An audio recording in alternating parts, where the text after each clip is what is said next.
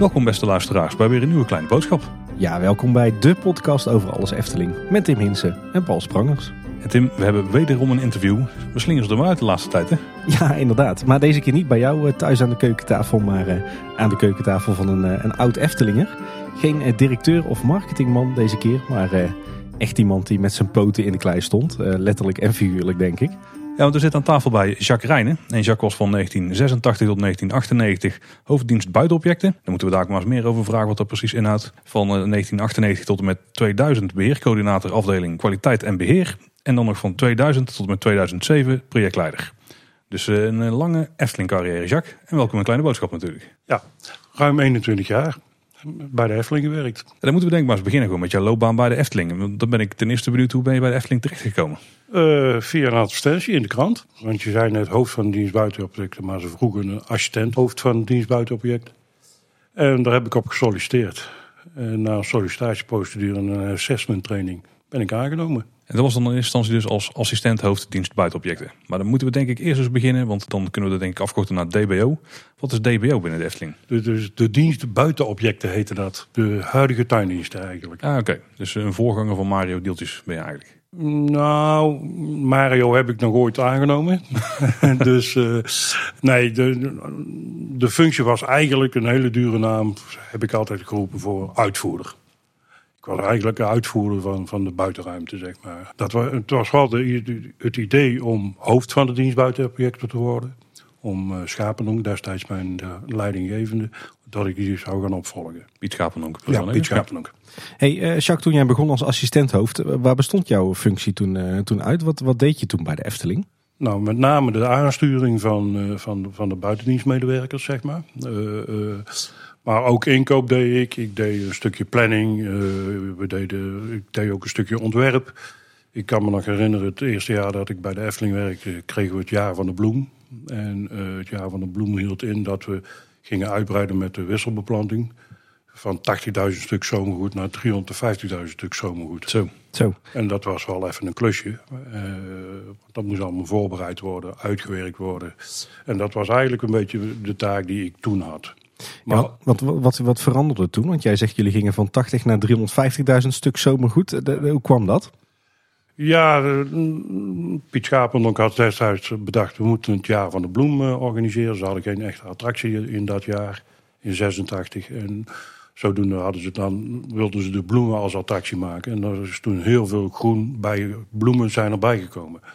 Uh, daar zijn stukken ja, plantsoen, gras uh, opgeofferd waar uh, wisselperken van gemaakt werden.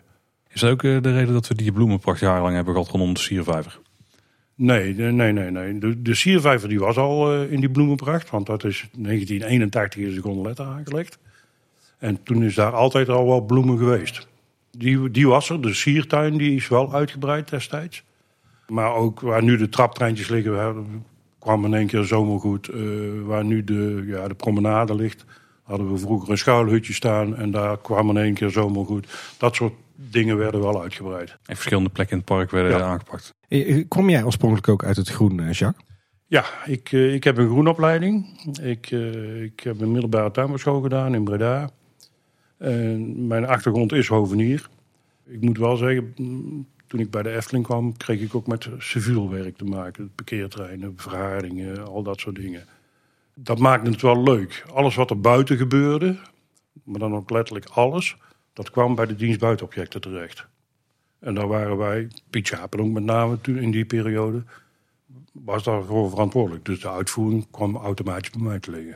En ik kan me voorstellen dat het wel heel anders was om eh, zeg maar in de normale wereld hovenier te zijn of ineens bij de Efteling aan de slag te gaan. Ja, de, de, de kwaliteitsniveaus lagen daar natuurlijk wel even iets anders. Ik, ik kwam van een hoveniersbedrijf af. Nou ja, een groenvoorzienersbedrijf. En ja, daar was het meters maken. En hier was je ook echt hovenier. Hier kon je nog het, het vak uitoefenen. En dat, dat was wel een wereld van verschil, ja. En jij was uh, op dat moment assistent hoofd. Hoe groot was de afdeling toen de tijd? Oeh, die bestond uit een vijftiental mensen vast. Daar zaten een, drie, vier mensen als seizoenmedewerkers, hoe we dat noemden. En in de winterperiode groeide dat wel uit, dikwijls soms zelfs tot een man of honderd. Zo, dat is flink. Ja, daar was inhuur, uh, uh, stratenmakers, uh, destijds uh, uit de die, die liep daar dikwijls met 20, 30 mensen rond, rioleringen aanleggen en al dat soort dingen. Dus dat was winter, in de winterdag was dat wel een behoorlijke club, ja. Ja, veel, veel groter dan wat het nu is, want de tuindienst is nu volgens mij wat kleiner dan, dan die 100 man inderdaad, ja. Nou, ik moet wel zeggen, die, die, die 15 mensen die daar vast werkten, daar zaten eigenlijk maar één of twee hoveniers tussen. En de rest was allemaal uit de schoenindustrie. Uh, in het verleden van, ik heb nog een probleemjongetje, meneer de huisarts. En kunnen jullie die niet aan werk helpen? En dat soort mensen zaten daar hoor. Dus het niveau, met alle respect voor die mensen.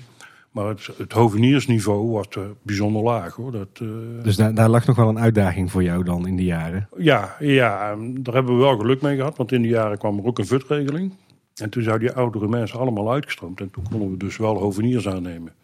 En toen zagen wij ook de productiviteit gewoon eh, gigantisch toenemen. je moet 100 mensen aan de gang houden in bepaalde delen van het jaar. Ik kan me voorstellen dat er dan ook flink wel hoge budgetten mee moet gaan.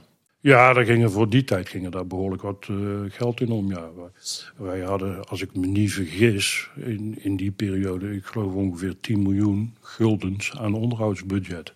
Oh, dat is heel flink. Dat zou in deze tijd ook nog best flink zijn. ja, inderdaad. Ja, want de, Efteling was toen natuurlijk dicht in de winter, hè, van uh, eind oktober tot, uh, tot Pasen, zeg maar. Ja. Uh, waar hielden die honderd mensen zich dan de hele winter mee bezig? nou, de, de, de, de, de vaste mensen met ingehuurden, die hielden zich bezig met het zomergoed eruit, bloembollen erin. Dat was echt een, een klus van een week of acht. Zo. Zo. Daar waren ze echt een week of acht mee bezig. En dan huurden wij dan mensen in. Er werd ook nog handmatig gespit in die periode. Nou, daar hebben we heel snel een eind aan kunnen maken. Want daar hebben we een klein spitmachientje voor kunnen kopen. Dus dat, dat scheelde allemaal wel. Maar daar kwamen we ook bij. In die periode uh, werden ook de investeringen altijd gedaan. Als de Efteling gesloten was. En uh, ik kan me herinneren, als daar een steenbok gebouwd moest worden. Nou, dan moest daar riolering naartoe, moesten kabels naartoe, leidingen naartoe. Nou, dat lag allemaal onder verantwoordelijkheid van, verantwoordelijkheid van ons. Oké, dus er was toen nog geen aparte projectenafdeling. Jullie werden eigenlijk ook ingezet voor alle nieuwbouwprojecten. Ja, ja, ja het was, er was een dienst buitenobjecten en die deden dus gewoon alles. Die verzorgden ontwerpen, die verzorgden de, de investeringen, die deden het beheer, het onderhoud, die deden gewoon alles. Ja, want uh, er werd in de jaren natuurlijk volop gebouwd. Hè. Je ging na het uh, eind 86 bij de Efteling aan de slag. Uh, daarna werd er onder meer pagode gebouwd. maar ook het, het Lavelaar, de Pegasus, Droomvlucht. kan je je nog herinneren hoe, die, hoe het toen was om voor die projecten te werken? Ja, dat was met name de pagode. Dat kan ik me nog heel goed herinneren. De Efteling, dat was een stichting en die namen, een stichting die nam al genoegen met een, een, een stichtingbestuur dan met een klein beetje winst. En als ze een eentje hadden en een uitje hadden, was voor die mensen goed. Bij de Efteling gebeurde ook heel veel op regiebasis. Er werd stratenmaker geroepen, dan moet straatwerk gemaakt worden. En uh, uurtjes en al die dingen meer. Toen gingen we de pagode bouwen en maakten wij het ontwerp voor de meandering. Uh, dat moest naar boven toe, een ontwerp gemaakt. En toen hadden we met de stratenmaker afgesproken van... joh, uh, jij moet uh, dit gaan maken. Dit is het, dit is het ontwerp. Wat gaat het kosten? Dus wij spraken daar eigenlijk een vaste vierkante meter prijs af. Uniek voor de Efteling in die periode. Alleen in die periode, Van Bokstel leverde zand... Van Iersel verwerkte het en Van Haren die deed straatwerk. Nou, drie verschillende aannemers. Met de wetenschap van nu weet je, daar komt gedonder van. Ja. Vervolgens, uh, nou, het zand werd geleverd, het werd verwerkt. En de stratenmaker die had plus min 5, 5 centimeter moest hij nog uh, verzorgen. Het einde van het liedje was dat, uh, nou, die stratenmaker die gaat bezig. Hij is klaar. En het einde van het liedje was gewoon van ja, maar ik heb veel meer grondwerk moeten doen veel meer moeten verwerken. Ja, oké, maar we hebben die meterprijs afgesproken. En we zaten te praten en op een gegeven moment zei Piet Schapen, die zei van nou, dan doen we het wel een uren afrekenen. Hij keek mij aan van weet jij hoeveel uren ze gewerkt hebben? Ik zei, nee, ik weet wel de vierkante meters. Maar die moest ik bijhouden. Maar de uren weet ik niet. En toen kwam van meneer Van Haren, die kwam keurig met een briefje, dit zijn de uren. Nou, en toen konden we niet meer als nee, ja zeggen. Nou, daar heb ik heel veel van geleerd in die periode. Want toen heb ik gezegd, ja, dit moeten we in de toekomst echt even anders doen. Ik kan me voorstellen dat, die uren er niet, eh, op, dat jullie er qua budget niet op vooruit zijn gegaan daar. Nee, nee dat was, werd flink, flink duurder. Was in die periode ook niet zo'n heel groot probleem. Want ze, ze, ze kenden bij, bij de Efteling destijds eigenlijk niet zozeer het budgetverhaal. Ze, ze gingen een attractie bouwen en ze hadden wel een bedrag in het hoofd. Maar al die attracties liepen gierend uit de klauwen. Ik, ik, ik heb het zelf niet meegemaakt, maar ik kan me de, kan me de verha- verhalen herinneren van een Fata Morgana. Die is twee, drie keer over de kop gegaan. En daar maakten ze zich helemaal niet druk om. Want die stichting die had zoiets van, joh, het, loopt, het, het gaat. En, eh, ik vind, we vinden het wel best. Ik kan het je tegenwoordig bijna niet meer voorstellen. Nee, nee. Jij zegt dat jullie ook het ontwerp verzorgden van de buitenruimte. Maar ik kan me voorstellen dat, het, eh, eh, dat er af en toe wel wat afstemming nodig was met eh, de, de ontwerpers van de attractie. Met een Ton van de Ven of een Henny Knoet. Ja, ja, ja, ja, ja. Nee, dat was echt wel, wel afstemming. En daar ging er soms ook wel hard aan toe. Met name Piet Schapendonk was, was een redelijk autoritaire man. En die schoot nogal makkelijk uit zijn slof. De- Dat hij zei van, eh, daar ging die stemverheffing omhoog. Destijds met Bart Jutte met name. Dat was hoofd van de technische dienst. En eh, ja, ik heb daar menig eh, gevolgje van meegekregen. Als, als wij, wij zaten achter waar nu het theater is. En eh, dan kwam Bart Jutte binnen en dan was wel- eens vuurwerk. Dat, eh, Om, wat voor zaken dan? Waar moet ik dan aan denken? nou, de kleinste futiliteiten soms. Van eh, een, een hoogte van, van 1 of 2 centimeter ging het vaak om. En dan denk je, jongens, waar hebben we het over? Echt, echt twee baasjes dus. ja, er waren echt. Ja, maar dat was in die periode ook wel. Er zat een staf van, van 13 mensen. En die, die hadden allemaal een eigen mening. Maar er zat een, hoofd PNO. Die zat daar mee te praten over een attractie. En dan denk je, jongens, kom op zeg. Dat is ook wel bijzonder. Ja. Het was wat dat betreft eh, net, eh, net of je bij een gemeente werkt dan. Eh, ja, waarschijnlijk. die was misschien nog wel beter georganiseerd. in die periode moet ik zeggen hoor. En waar ik nog wel benieuwd naar ben, eh, buiten de projecten zelf, want daar kunnen we daar nog wel even over verder gaan, denk ik, is eh, hoe het toen aan toe ging als het seizoen was afgelopen. Want eh, toen was het natuurlijk zo dat Efteling gewoon dicht ging voor, eh, voor heel de winter. Was het dan zo van eh, de laatste bezoeker loopt naar buiten, hup, meteen alle bloembedden worden leeggetrokken, overal wordt flink gesnoeid? Of, Ja, daar kwam het wel op neer. De, de, de- op het moment dat de laatste bezoeker wegging, ja, dat was dan zondags en dan 's maandags morgens, dan dook iedereen het park in. Dan werd alles ontmanteld. Eh, de bootjes gingen uit de vijver, eh, de, de, de molens werden afgebroken. eh, wij gingen dan inderdaad alle, al het zomergoed rooien. De, de kuiplanten gingen naar binnen. Dat was eigenlijk de eerste actie. Want die, die moesten eigenlijk al binnen staan vaak. En dat, dat ging als eerste. Daar waren we al een week of anderhalf, twee mee bezig. En dan gingen de bloemen eruit. En dan gingen, kwamen de bloembollen binnen. En die gingen dan de grond in. Dat is denk ik wel een flinke operatie. Want ik kan me voorstellen dat dat is een moment dat je in één, ja, eigenlijk van een op de andere dag tientallen extra mensen of handjes nodig hebt. Ja, ja klopt. De, dan, stonden er ook een aantal mensen klaar. En eh, daar hadden we van, van tevoren uiteraard al wel eh, georganiseerd. Dat, er- dat er ondersteuning was ervoor. En ik moet wel zeggen, dat waren vaste aannemers waar we mee werkten. En, en die wisten dat ook. Die hielden daar al rekening mee. Die wisten gewoon als wij eh, op zondag dicht gingen, op maandag dan begint het circus te lopen. Die hadden gewoon in de agenda al staan voor de komende jaren. Ja, ja in wezen wel. Ja. Die hadden dat gewoon vastgelegd en die wisten gewoon van dan gaat er van alles gebeuren daar. Dan moeten we daar ruimte voor, voor reserveren om, eh, om, eh, om die werkzaamheden te doen. Ja. Wel heel anders dan nu natuurlijk. Want nu moet heel veel van het hovenierswerk of eh, s ochtends voor openingstijd of eh, na sluitingstijd. Het zal met name s ochtends gebeuren nu. Eh, maar toen de tijd werd denk ik veel van het werk opgespaard voor na de, na de parksluiting. Ja, ja de, de echte snoeiwerk en zo. Ja, dat deden we eigenlijk al het grotere werk. Waar bezoekers last van konden hebben, dat deden we na sluiting. Oktober, november, als we dicht gingen. Eind oktober meestal, na de herfstvakantie, gingen we dicht. En dan, eh, ja, dan, dan begon het circus te draaien. Ja. Was het dan ook eh, een beetje lang levende lol in de winter? Om- omdat je het hele park voor jezelf had eigenlijk, die maanden? Nee, het was niet lang levende lol. Er werd echt wel gewerkt. Wat wel was, je kon met auto's het park in, je kon met machines het park in. En dat gebeurde wel veel meer, ja, dat, eh, dat wel. Maar het was niet echt lang levende lol. Er werd wel gewoon eh, stevig doorgewerkt. Dat moet ik wel denk ik. ja. Een van de projecten die eh, jij hebt aangepakt is de herinrichting van het parkeerterrein. Ja. Eh, ik ben wel benieuwd, wat, wat was de situatie voor en wat was het doel waarom ze opgelost worden, zeg maar? Nou, het doel was eh eh, betere eh, aan- en afvoer van, van auto's, hè, van, van voertuigen. Daarvoor was het eigenlijk alles gas. Er is een ontwerp gemaakt. Ik stond niet 100% achter het ontwerp, want het is allemaal heel krap opgezet. De reden daarvoor snap ik, want hoe meer auto's je kwijt kon, hoe beter het was. Maar de voornaamste reden was wel, en ook eh, de plannen waren al om de entree te verleggen. Om het parkeerterrein eh, dusdanig in te richten dat hij naar het nieuwe entreegebouw eh, gericht zou zijn. Ja, want even voor de volledigheid, het, resultaat is dus het parkeerterrein, het hoofdparkeerterrein zoals we het nu kennen. Ja, Maar dat, die, die klus, dat project, dat vond plaats begin jaren 90. Wa- Was er toen al bekend dat de entree ging verhuizen, ja? ja, ja. Die plannen waren er al.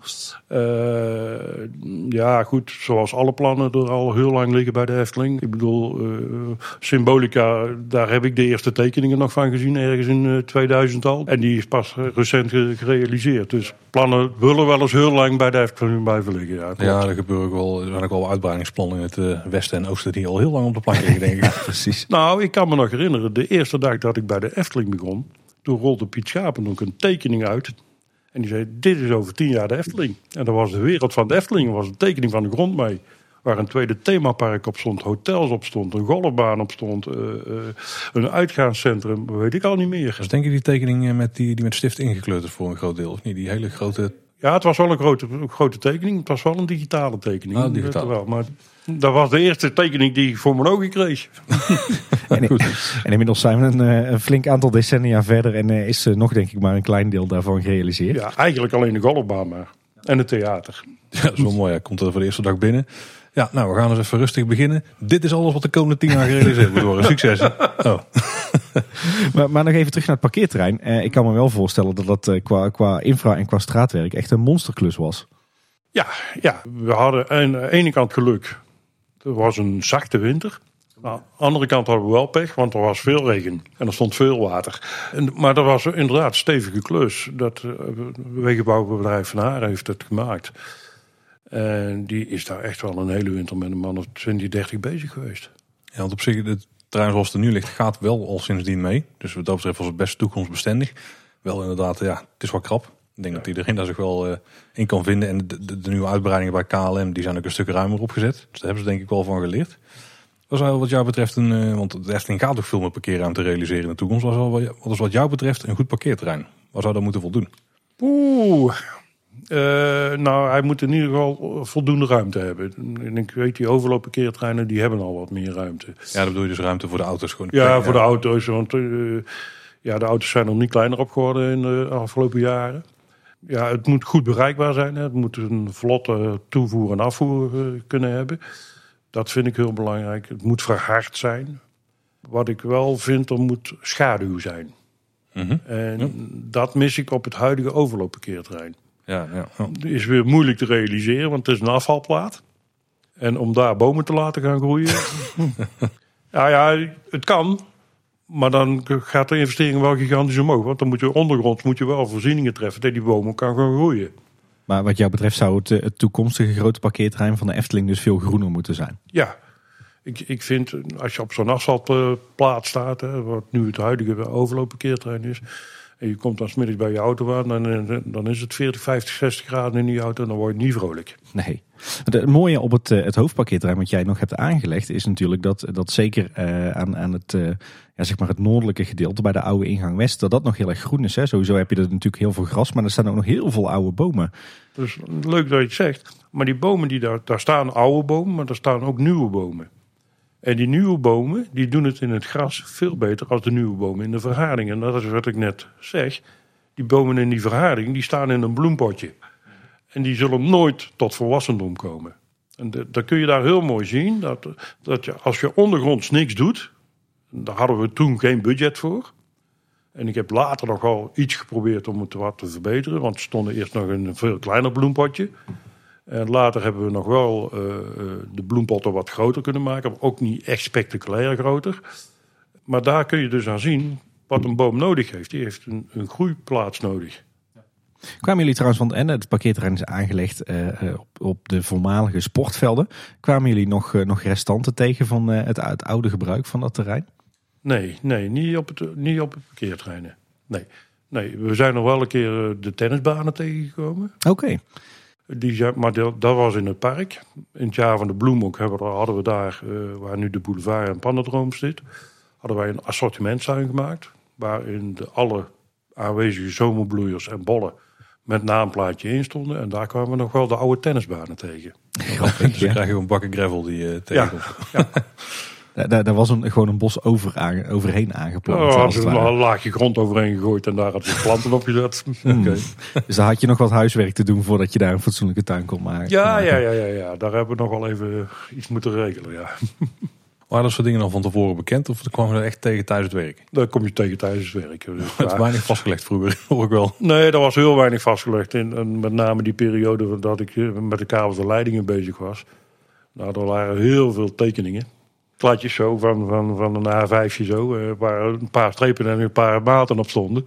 En dan stond er, als je geluk had, nog een stukje tekst bij waar het was. Maar dat was het. Ik, ik kan me voorstellen dat je dan in al die jaren dat je in de Efteling aan het graven bent geweest, dat je behoorlijk vaak voor verrassingen kwam te staan. Wij kwamen, als, we, als de schop de grond in ging, dan wisten wij, we komen iets tegen wat we niet weten. Er is ook regelmatig een eh, kabel eh, gesneuveld, ook, ook echte hoogspanningskabels. Die van Travo naar Travo liepen, die hebben we ook al een keer geraakt. Maar ja, goed, ja, dat hoort bij het vak. Ik bedoel, eh, als we het niet weten, weten we het niet. Nee, ik zag laatst nog een vacature voorbij komen voor, eh, wat was het, maintenance engineer ondergrondse infra. En volgens mij is, die, wordt die persoon aangenomen om eh, daarmee aan de slag te gaan. Dus- Nou, we, we waren er al wel eerder mee aan de slag. Want eh, er is in die periode ook al wel heel veel verbeterd. Want we hebben toen al die kladjes wel verwerkt in een digitaal bestand. Eh, maar daar stond wel altijd een stempel op van eh, indicatief, eh, niet betrouwbaar. en we hadden kabels die hielden hierop en die gingen hier weer verder. Maar het stuk ertussen, dat wisten we niet. Dus, maar daar is wel mee begonnen. We hebben toen ook iemand aangesteld, die werkt er nog. Die dan, als er een kabel gegraven werd, dat die ingemeten ging worden. Weliswaar met GPS. Dus ook afwijkingen mogelijk. Maar hij werd in, er werd in ieder geval wel een start gemaakt daarmee. Nou, mooi. We hadden het net over het parkeerterrein. Eh, een ander project wat begin jaren 90 speelde met een hele interessante buitenruimte is natuurlijk het Lavelaar. Echt een, eh, een kunstwerkje. Maar ook qua verharding en qua groen en qua water is dat eh, nou echt om door een ringetje te halen. Waar, waren jullie daar ook bij betrokken? Ja, ook daar, de buitenruimte, eh, die hebben wij zelf ontworpen ook helemaal. We hadden toen inmiddels wel iemand eh, die eh, de tuintjes ontwierp. KB Baranoen. En die ontwierp het. En, maar de ideeën kwamen wel van mij en Piet Schapendonk af. En ja, goed, de ontwerper daarvan, in overleg met Tom van de Ven met name in die periode, ja, die komen wel van, kwamen toen wel van ons af, ja. En de realisatie uiteraard ook. En er zit heel veel moois in. Hè? Als je eh, al die aparte borders en bruggetjes en, en die waterloop ziet. eh, hoe kwamen jullie dan op die ideetjes? Hoe ging dat? Ja, hoe ging dat? Oeh, dat, dat, dat gebeurde al brainstormend. Eh, het lavelaar, ze kwamen uit de grond, ze kwamen naar boven. Nou, een watertje erdoor, dat zou wel leuk zijn. Ja, moet er wel stroming op zitten, want anders krijg je een probleem. Dan krijg je vervuild water. Nou, en, en zo groeien dingen. De, de schetsen van Tom van de Ven nam je daarin mee. En op een gegeven moment kwam het op de bestrating. En dan moest een bestrating komen. Ja, oude walen. Nou, toen vonden we ergens een, een weg in Zeeland. Van, met hele oude walen, krom en alles. Nou, met tonoverleg. Nou, hey, dat zijn wel mooie walen. Nou, toen moest de stratenmaker aan de gang. En die is gewend, keurig strak de straten. Nee, er moet ruimte tussen zitten, want dan gaan we dat afstrooien met silex. Silex mag niet meer, maar dat was toen de tijd een, een halfverharding. En daar zouden we het mee afstrooien. Nou, dan zit zo'n stratenmaker echt even naar je te kijken. Van, eh, heb jij een klap van de molenwiek gekregen of zo? Want eh, eh, dit, dit kan toch niet? Nou, en toch willen we het zo hebben. Dus ja, de- ook mensen moeten, moeten om. Ja. ja, want het moest daar dus vooral niet strak zijn, het straatwerk. Nee, nee, maar dat was ook een beetje... ook in de geest van Anton Pieck. Die, die, die- ik heb de verhalen wel eens gehoord van, van van Heumen.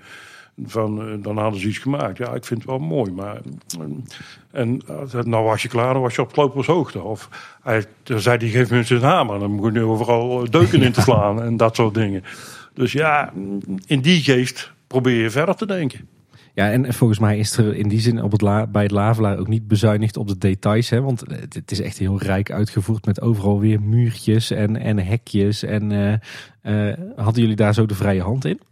Uh, nou ja, de vrije hand in principe ja, maar wel alles in overleg met Tom van de Ven. Tom van de Ven was wel de grote baas wat esthetische kant betreft. Dus daar kwam je niet langs hoor.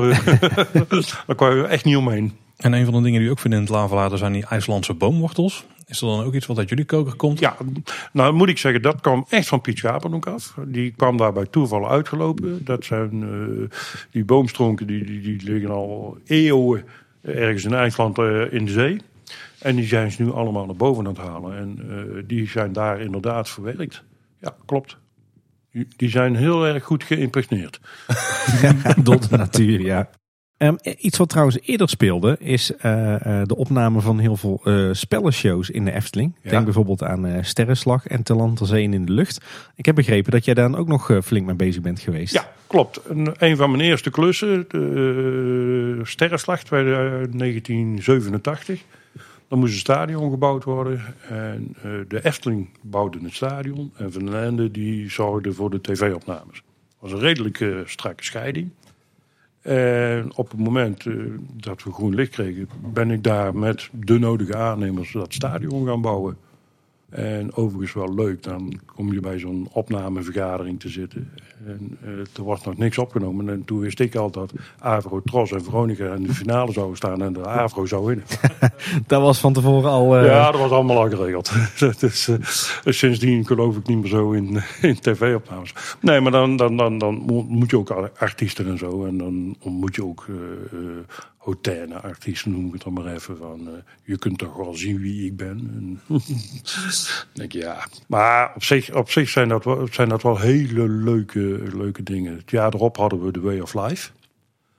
Dus maar één jaar geweest met Ron Brandsteder. En dat was achter bij, bij de tuindienst, uh, was dat. Toen hadden, was onze kantine, kantine die was nog uh, perskamer. Uh, was ook leuk. En dan ja, Talent ter in de lucht. Uh, die, die, die zaken opbouwen. Overigens uh, werden die Way of Life en Talent zee in de lucht... die werden echt door de NOS opgebouwd. Hè, of door de TROS eigenlijk. daar hadden we niet zo heel veel bemoeienissen mee. Alleen de, de coördinatie tussen het park en, en, en, en de opname. Met Sterrenslag wel, dat stadion bouwen, dat lag helemaal bij ons.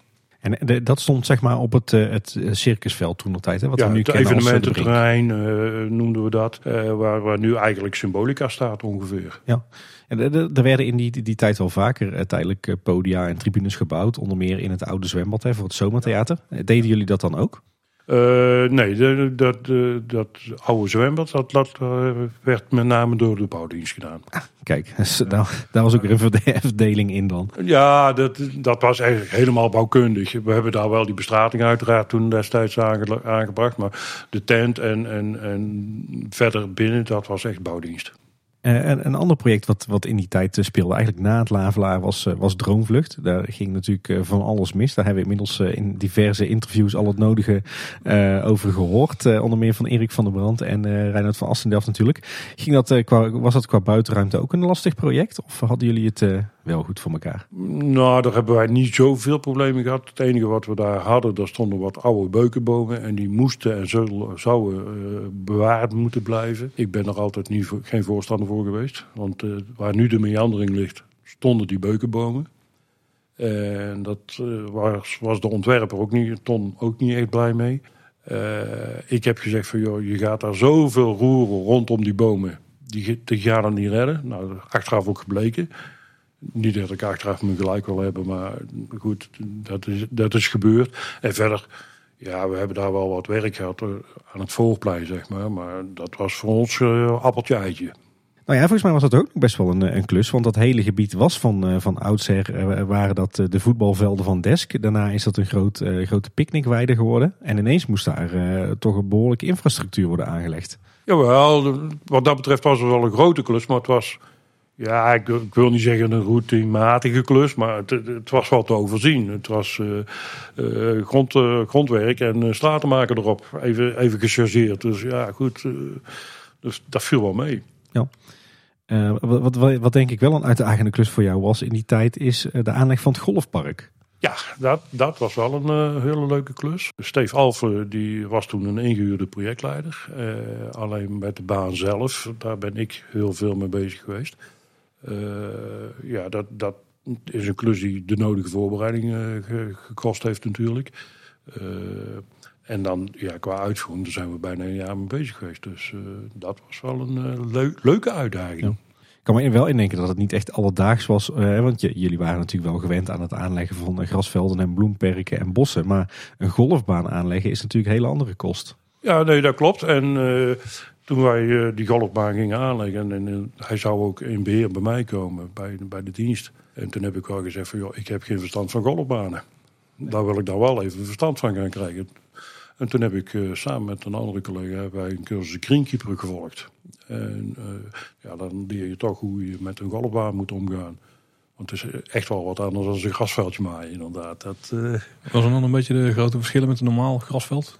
Nou ja, een green die maai jij op een millimeter. En er zijn maar twee grassoorten die daar kunnen. En dat is, nou, dan moet ik in mijn geheugen. Dat is roodzwenk en struisgras. Het zit er nog, het zit wel diep weg, maar ik kan het toch naar boven halen. En, maar dat is ook heel gevoelig dan. Want eh, zo'n green is een heel gevoelig stukje uh, kunstmatig natuur. En dan mag er geen wormpjes in zitten, dan mogen geen mollen in komen. Dan komen heel makkelijk ziektes en schimmels in. Uh, ja, daar komt altijd een en ander bij kijken ja, om zo'n green te onderhouden. Kijk, die fairway, dat valt wel mee. Dat is gewoon een grasveld. De tee wordt al iets moeilijker. Want die, die, die, ja, die vraagt alweer iets andere eisen. Met name de afslag. Ze beschadigen hem nogal met die clubs. En de green, ja, dat is echt een uitdaging om die uh, in, goed in stand te houden. Daar komt wel wat bij kijken, ja. Ja, en het was natuurlijk ook qua oppervlak het, het allergrootste project wat ooit is gerealiseerd in de Efteling. Ja, ik, eh, ik moet echt in mijn geheugen zitten ploegen nu, maar uit mijn hoofd zeg 110 hectare. Ja. En daar, daarbij vormden jullie vooral landbouwgrond om naar golfbaan? Ja, ja, het was allemaal landbouwgrond. De beplanting die erop stond, die is, eh, dat is ontwikkeld door de Vlinderstichting. Uh, want de, als vlindertjes het naar de zin hebben, dan is het goed voor de natuur. En dat bleek ook wel, want al na één of twee jaar eh, voerden wij tellingen uit en kwamen er al vlindersoorten terug die al heel lang daar niet meer geweest waren. En, maar die, die aanplant maakte een onderdeel uit van de natuurcompensatie die we nodig moesten doen voor de verblijfsaccommodatie. Ah. Slim, slim. Ja, een ander onderdeel van het golfpark is het klaterwatersysteem wat daar overheen gaat. Natuurlijk ook iets wat ervoor niet bestond. Dus daar ben je ook vast eh, bij betrokken geweest. Ja, daar ben ik van begin af aan bij betrokken geweest. Dus eigenlijk wel een van de leukere projecten die ik ooit gedaan bij de Efteling. Ik kan me herinneren, we kregen eind jaren 80 kregen we een brief van de provincie dat de provincie alleen nog maar hoogwaardig gebruik van grondwater toestond. En laagwaardige grondwaterverbruik er moest worden afgebouwd. Nou pompten wij 400, we hadden een vergunning, zou moeten zeggen, voor het oppompen van 450.000 kub grondwater. Om de vijvers in de, in de park op peil te houden. En ik vond dat behoorlijk hoogwaardig. Ik denk, ja, als er water niet meer is, dan zijn je vijvers weg. Dus ik vond dat wel heel hoogwaardig. Nou, daar kwam ik niet mee weg. En uh, nou, toen zijn we gaan denken van, ja, hoe gaan we dat doen? Gaan we die vijvers, die bodems afdichten uh, met bentoniet? Uh, gaan we ergens een groot bassin bouwen waar we het hemelwater op gaan vangen en dan zomers? Maar ja, ik ga maar eens ergens 250.000 tot 300.000 kub grondwater bergen. Nou, ik geef het je te doen. Wel alles de revue, revue laten passeren. En op een gegeven moment zat ik, zat ik persoonlijk te denken van, joh, wij voeren heel veel regenwater en vuilwater af naar de rioolzuivering. Die zuiveren dat en die brengen het als oppervlaktewater terug in het milieu. Kunnen wij dat water dan niet terugkrijgen voor jullie? Nou, er was, een overleg met, uh, met het waterschap. De waterschap West-Brabant, nu de, Brabantse Delta. En uh, toen zat er een meneer, ik weet zijn naam niet meer, en die zei: Ja, zit je, kan wel, maar er zitten allemaal beestjes in, uh, torretjes, uh, toestandjes. En hij kon nog heel mooi vertellen, maar dan moest er dus wel iets gebeuren. En toen zijn we op het spoor gekomen van een, een helofietenfilter. Ik kan me nog herinneren, er kwam op een gegeven moment een grote oplegger het terrein oprijden van uh, de kleine aarde uit Bokstel. En daar stond een, een toilet en een uh, hele fietenfiltertje. En daar gingen mensen dus ook naar het toilet. En dan ging dat water ging via een hele fietenfiltertje naar de kraan toe. Ik moet wel zeggen, er zat nog een koolstoffilter tussen. En die man die drong daar gewoon het water uit. En toen hebben wij de waterzuivering hebben we een heel klein proefveldje gemaakt van, uh, met. Om te kijken hoe de kwaliteit is die eruit kwam. Nou, bleek dat er nog wel wat uh, ijzer toegevoegd moet worden, geloof ik. Maar goed, lang verhaal kort. Toen zijn we een Europese subsidie hebben aangevraagd om het aan te leggen. Die hebben we ook gekregen. En zijn wij, uh, hebben wij een, leiding gelegd uh, van een waterzuivering, ongeveer 4 kilometer, naar een hele fietenfilter aangelegd.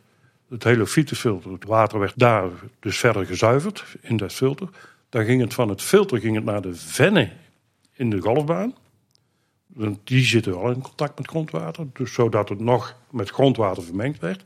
En door de vennen heen, bij het ven van de, bij het clubhuis, ik weet niet meer zo, Ven West is dat geloof ik, ging het van daar ging het naar de Efteling toe.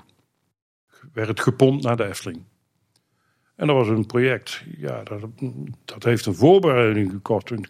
Uit mijn hoofd gezegd van jaar 4, 5. Want in 94, 95 is het opgeleverd. En daar ben ik van begin af aan wel bij betrokken geweest, ja. Dus toen kwam het eigenlijk wel goed uit uh, dat er ook een golfpark aangelegd ging worden. Want dat was meteen de perfecte plek natuurlijk om die, uh, die vennen te realiseren. En dat hele fietsenfilter. Ja, ja, ja, ja, ja. En ik denk ook dat de aanleg van de golfbaan het filter wel in een versnelling heeft gebracht. Anders denk ik niet dat het er nog zo snel gekomen was. Ik ben ook wel benieuwd waar dat testvennetje dan lag. Uh, waar jullie die eerste proeven mee hebben gedaan. Dat, la, dat lag echt op de, op de zuivering bij, bij Kaatsheuvel. Bij de rioolwaterzuiveringsinstallatie in Kaatsheuvel. Dat was ook maar heel klein. Dat was uh, ja, twee bij vier of zo.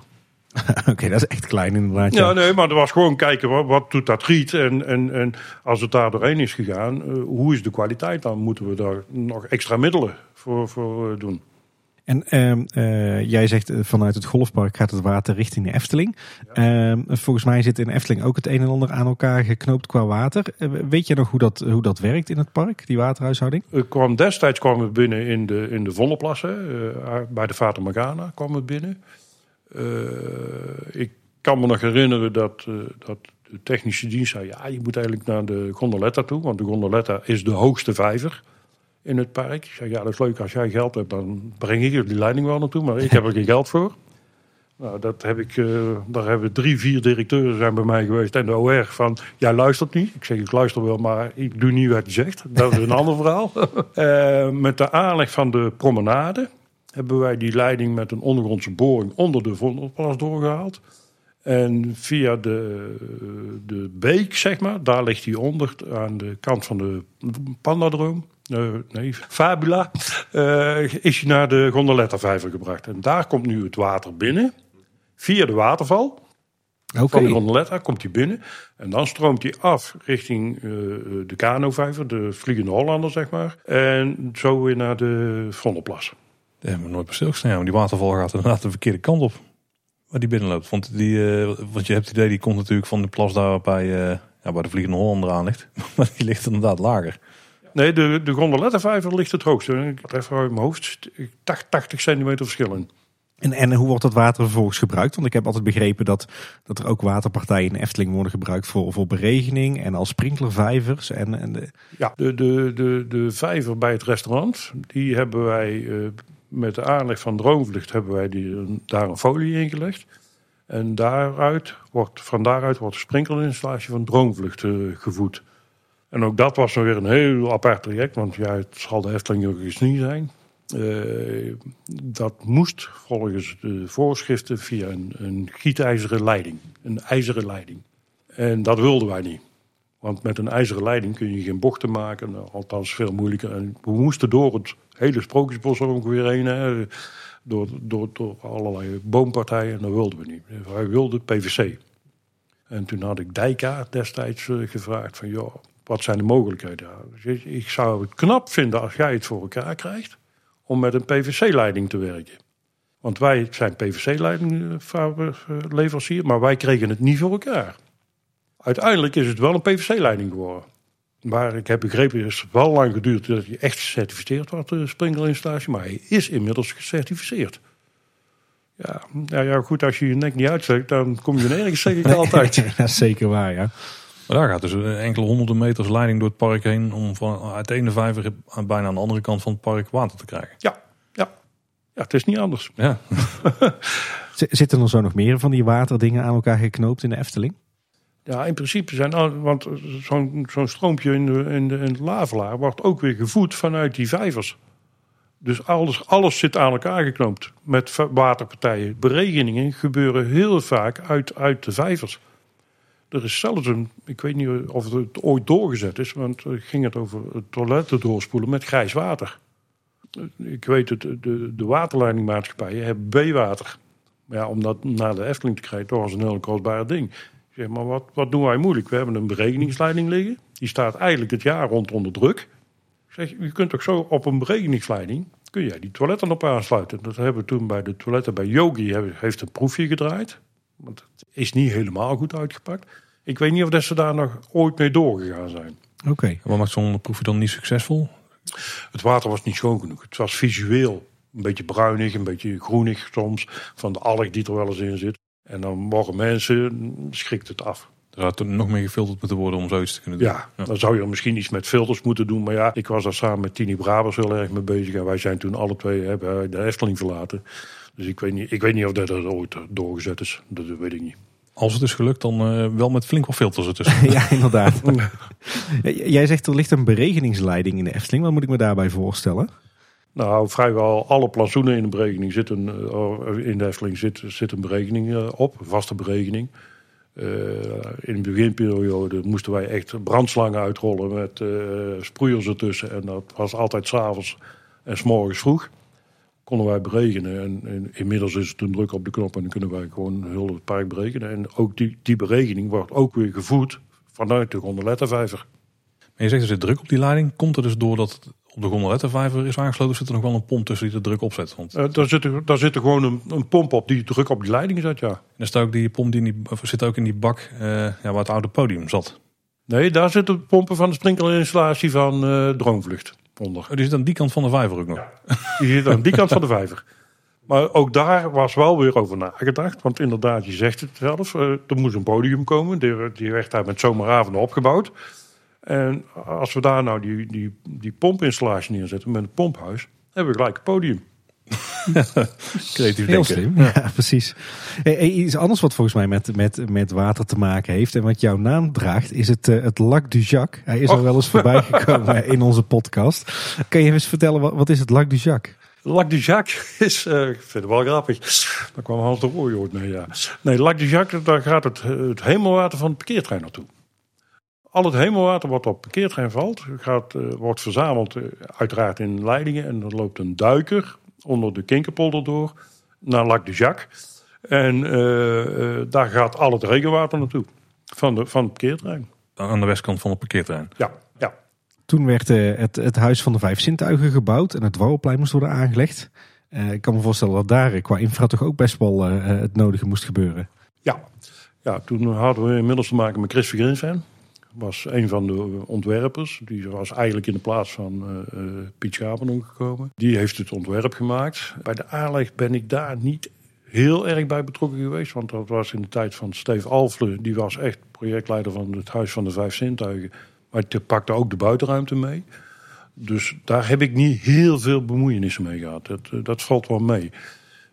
Ik ben daar best teleurgesteld over de materiaalkeuze die daar gemaakt is, die betonkeitjes. Eh, En ik snap het, hè, want er was ook, weer, ook daar was weer een budgetprobleem. Want inmiddels werkten we wel met budget uiteraard. Ja, dan moesten ze binnen blijven. Ja, goed, dan kom je op betonmaterialen uit. En ja, die zijn niet echt duurzaam. Nee, dat is ook wel te zien als je nu door het Huis van de Vijf Zintuigen loopt of op het Dwarrelplein. Ja, klopt. Heeft toch een beetje een, eh, nu ook een troosteloze grauwe uitstraling Ja, qua verhouding. Nou ja, goed. Zeker in die tijd. eh, betonmaterialen, die werden, toplaagjes werden een beetje gekleurd. Maar tegenwoordig zijn ze al wel- wel weer door, doorgekleurd. Dat valt er wel mee. Maar het wordt op een bepaald moment één grijze massa. Één grijze betrating. Ja, en dat is wat we natuurlijk niet willen in de Efteling. Nee, nee, zou ik tenminste niet willen. Maar goed, ik heb er nu wel zo heel veel over te vertellen. nee. Eh, jij zei net al, eh, Piet Schaperdonk ging weg. Dat was natuurlijk de hoofd van, de, hoofd van dienst buiten objecten. Ja, Eh, betekende dat ook wat voor jouw functie? ja nou, Piet Schapendonk die, die, die werd op een gegeven moment ziek. Die was overspannen, want er werd op een bepaald moment gereorganiseerd. Hè. Die staf van 13 mensen, daar werd even teruggebracht naar een managementteam van vier. Plus een directeur, waar onder andere Erik van den Brand bij zat. En Piet zag dat echt als een demotie. En die kwam toen overspannen thuis te zitten. Op dat moment heb ik het sokje van Piet Schapen ook overgenomen. En werd ik hoofd van de dienst buitenobjecten. En dat was ergens begin jaren negentig. Net na Navelaar was het. En eh, toen, toen ben ik dus echt hoofd van die club geworden. En wat betekende dat voor jouw werkzaamheden? Je krijgt meer verantwoordelijkheid. De, de, het takenveld bleef ongeveer hetzelfde, maar je werd wel verantwoordelijk voor iets. En er begon een professionaliseringsslag plaats te vinden van, van het beetje winst. Nee, het moest een rendabel bedrijf worden. En we kregen met budgetten te maken. En we gingen aanbestedingen eh, doen in plaats van één op één gunnen. eh, dat soort dingen. Dus je verantwoordelijkheden werden met name anders. En ja, je ging op een iets ander niveau acteren natuurlijk. En, en hoe waren de verhoudingen toen in het eh, managementteam van de Efteling? Nou, ik denk dat die destijds wel goed waren. Die, tussen Paul Beck en, en eh, Erik van den Brand zat erin. Pierre Holtrop zat erin. Antoine van Dalen destijds. Hele ambitieuze man. Eh, eh, ja, maar die waren wel redelijk goed destijds. Jij, jij zei het net al, eh, jullie zaten toen nog tijd als, eh, als eh, dienst buitenobject op een andere plek dan waar de tuindienst nu zit. Jullie zaten helemaal achterin het, het park, vlakbij het theater en de fietsenstalling. Wat, wat, wat was dat voor gebiedje? Eh er was een redelijk troosteloos gebiedje. Dat moet ik wel eerlijk zeggen. We zaten daar in het oude clubhuis van voetbalvereniging Desk. Oh, De- daar zat ook nog de tribune achter. Dat was eigenlijk de kantine van Desk waar we zaten. Bestuurskamer, dat was kantoor. En, en de rest was eigenlijk opslag. Eh daar,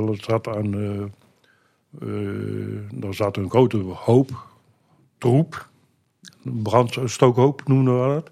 Die werd in winter in de fik gestoken. Af en toe. Daar ging er echt de, de, de, vlam in. En dat brandde dan een paar, paar dagen. Nou ja, een paar dagen. We hielden het wel onder controle natuurlijk. Maar, maar verder was het daar heel troosteloos, moet ik wel zeggen. Het had zijn voordelen. Want je zat lekker achteraf. Je kon eigenlijk een beetje doen en laten wat je wilde. De vrijdagmiddagborrel was berucht bij ons. vertel. Nou ja, dat was altijd wel. Kijk, de Eftelingse straat was destijds niet verhard.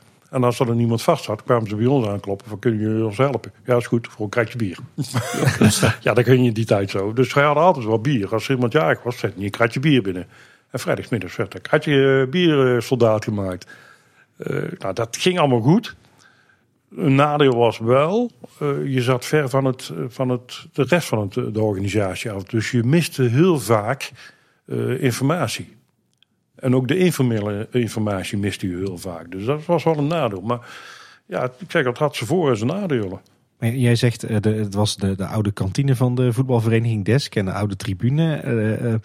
Waar stond dat toen? Want nu is daar volgens mij niks meer van over, toch? Nou ja, wel, het gebouwtje staat er nog steeds. En eh, volgens mij toen wij, naar, toen de tuindienst naar voren vertrok, hè, naar het eh, dienstcentrum, is daar evenementen komen zitten. En die zitten er volgens mij nog steeds. Oh, dat, is dat, eh, dat zijn die gebouwtjes die zeg maar aan, echt recht aan de Kinkerpolder staan. Ja, ja. Die oude, Ja, oude gebouwtje. zeg maar. Ja, ja, ja. ja. En dat was van voetbalvereniging Desk. Ja, dat was de kantine, de bestuurskamer en de loods aan de voorkant, zeg maar, dat was de tribune.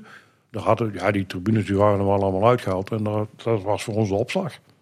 Kijk, we hebben iets nieuws geleerd, eh, Paul.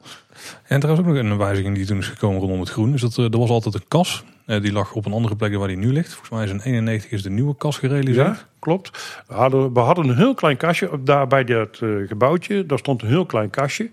Maar ja, goed, we kregen steeds meer kuiplanten. En, en ja, die, dat kastje werd te klein. En toen hebben wij inderdaad in 91 hebben we bij, eh, bij de Kinkerpolder daar eh, hebben we een nieuwe kast gerealiseerd. Ja. En hoeveel groter was die dan?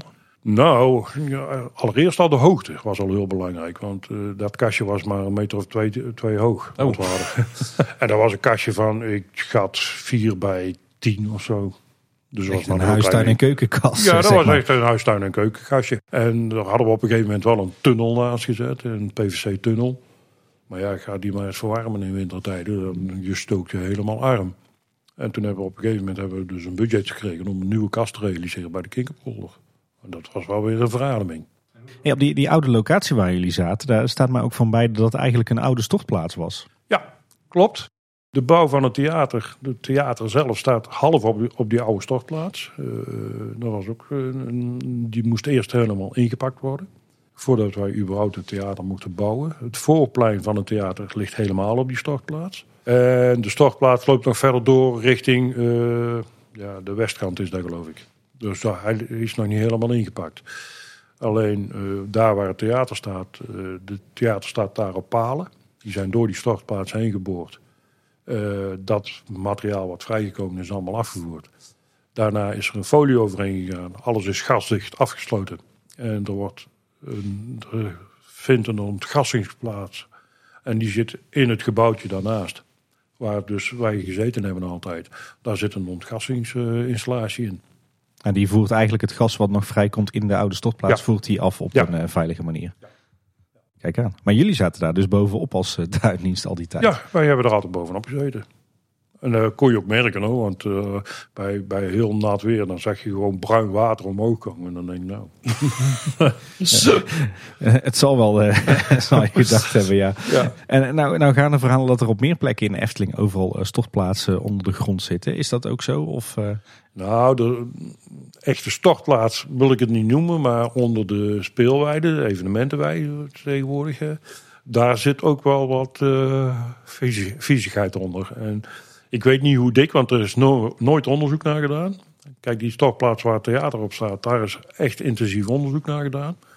Eh, de speelweide is eigenlijk nooit onderzoek naar gedaan, maar als je daar echt gaat spitten, kom je wel van alles tegen, ja. een klein, eh, klein restantje uit de schoenindustrie misschien wel? Ja, nou ja, dat was, dat was altijd daar. Want, de huidige de stort waar het theater op staat, dat was ook voornamelijk leerstipper, leerstippers. Destijds, want dat ding is geloof ik in 56 ergens eh, dichtgegooid.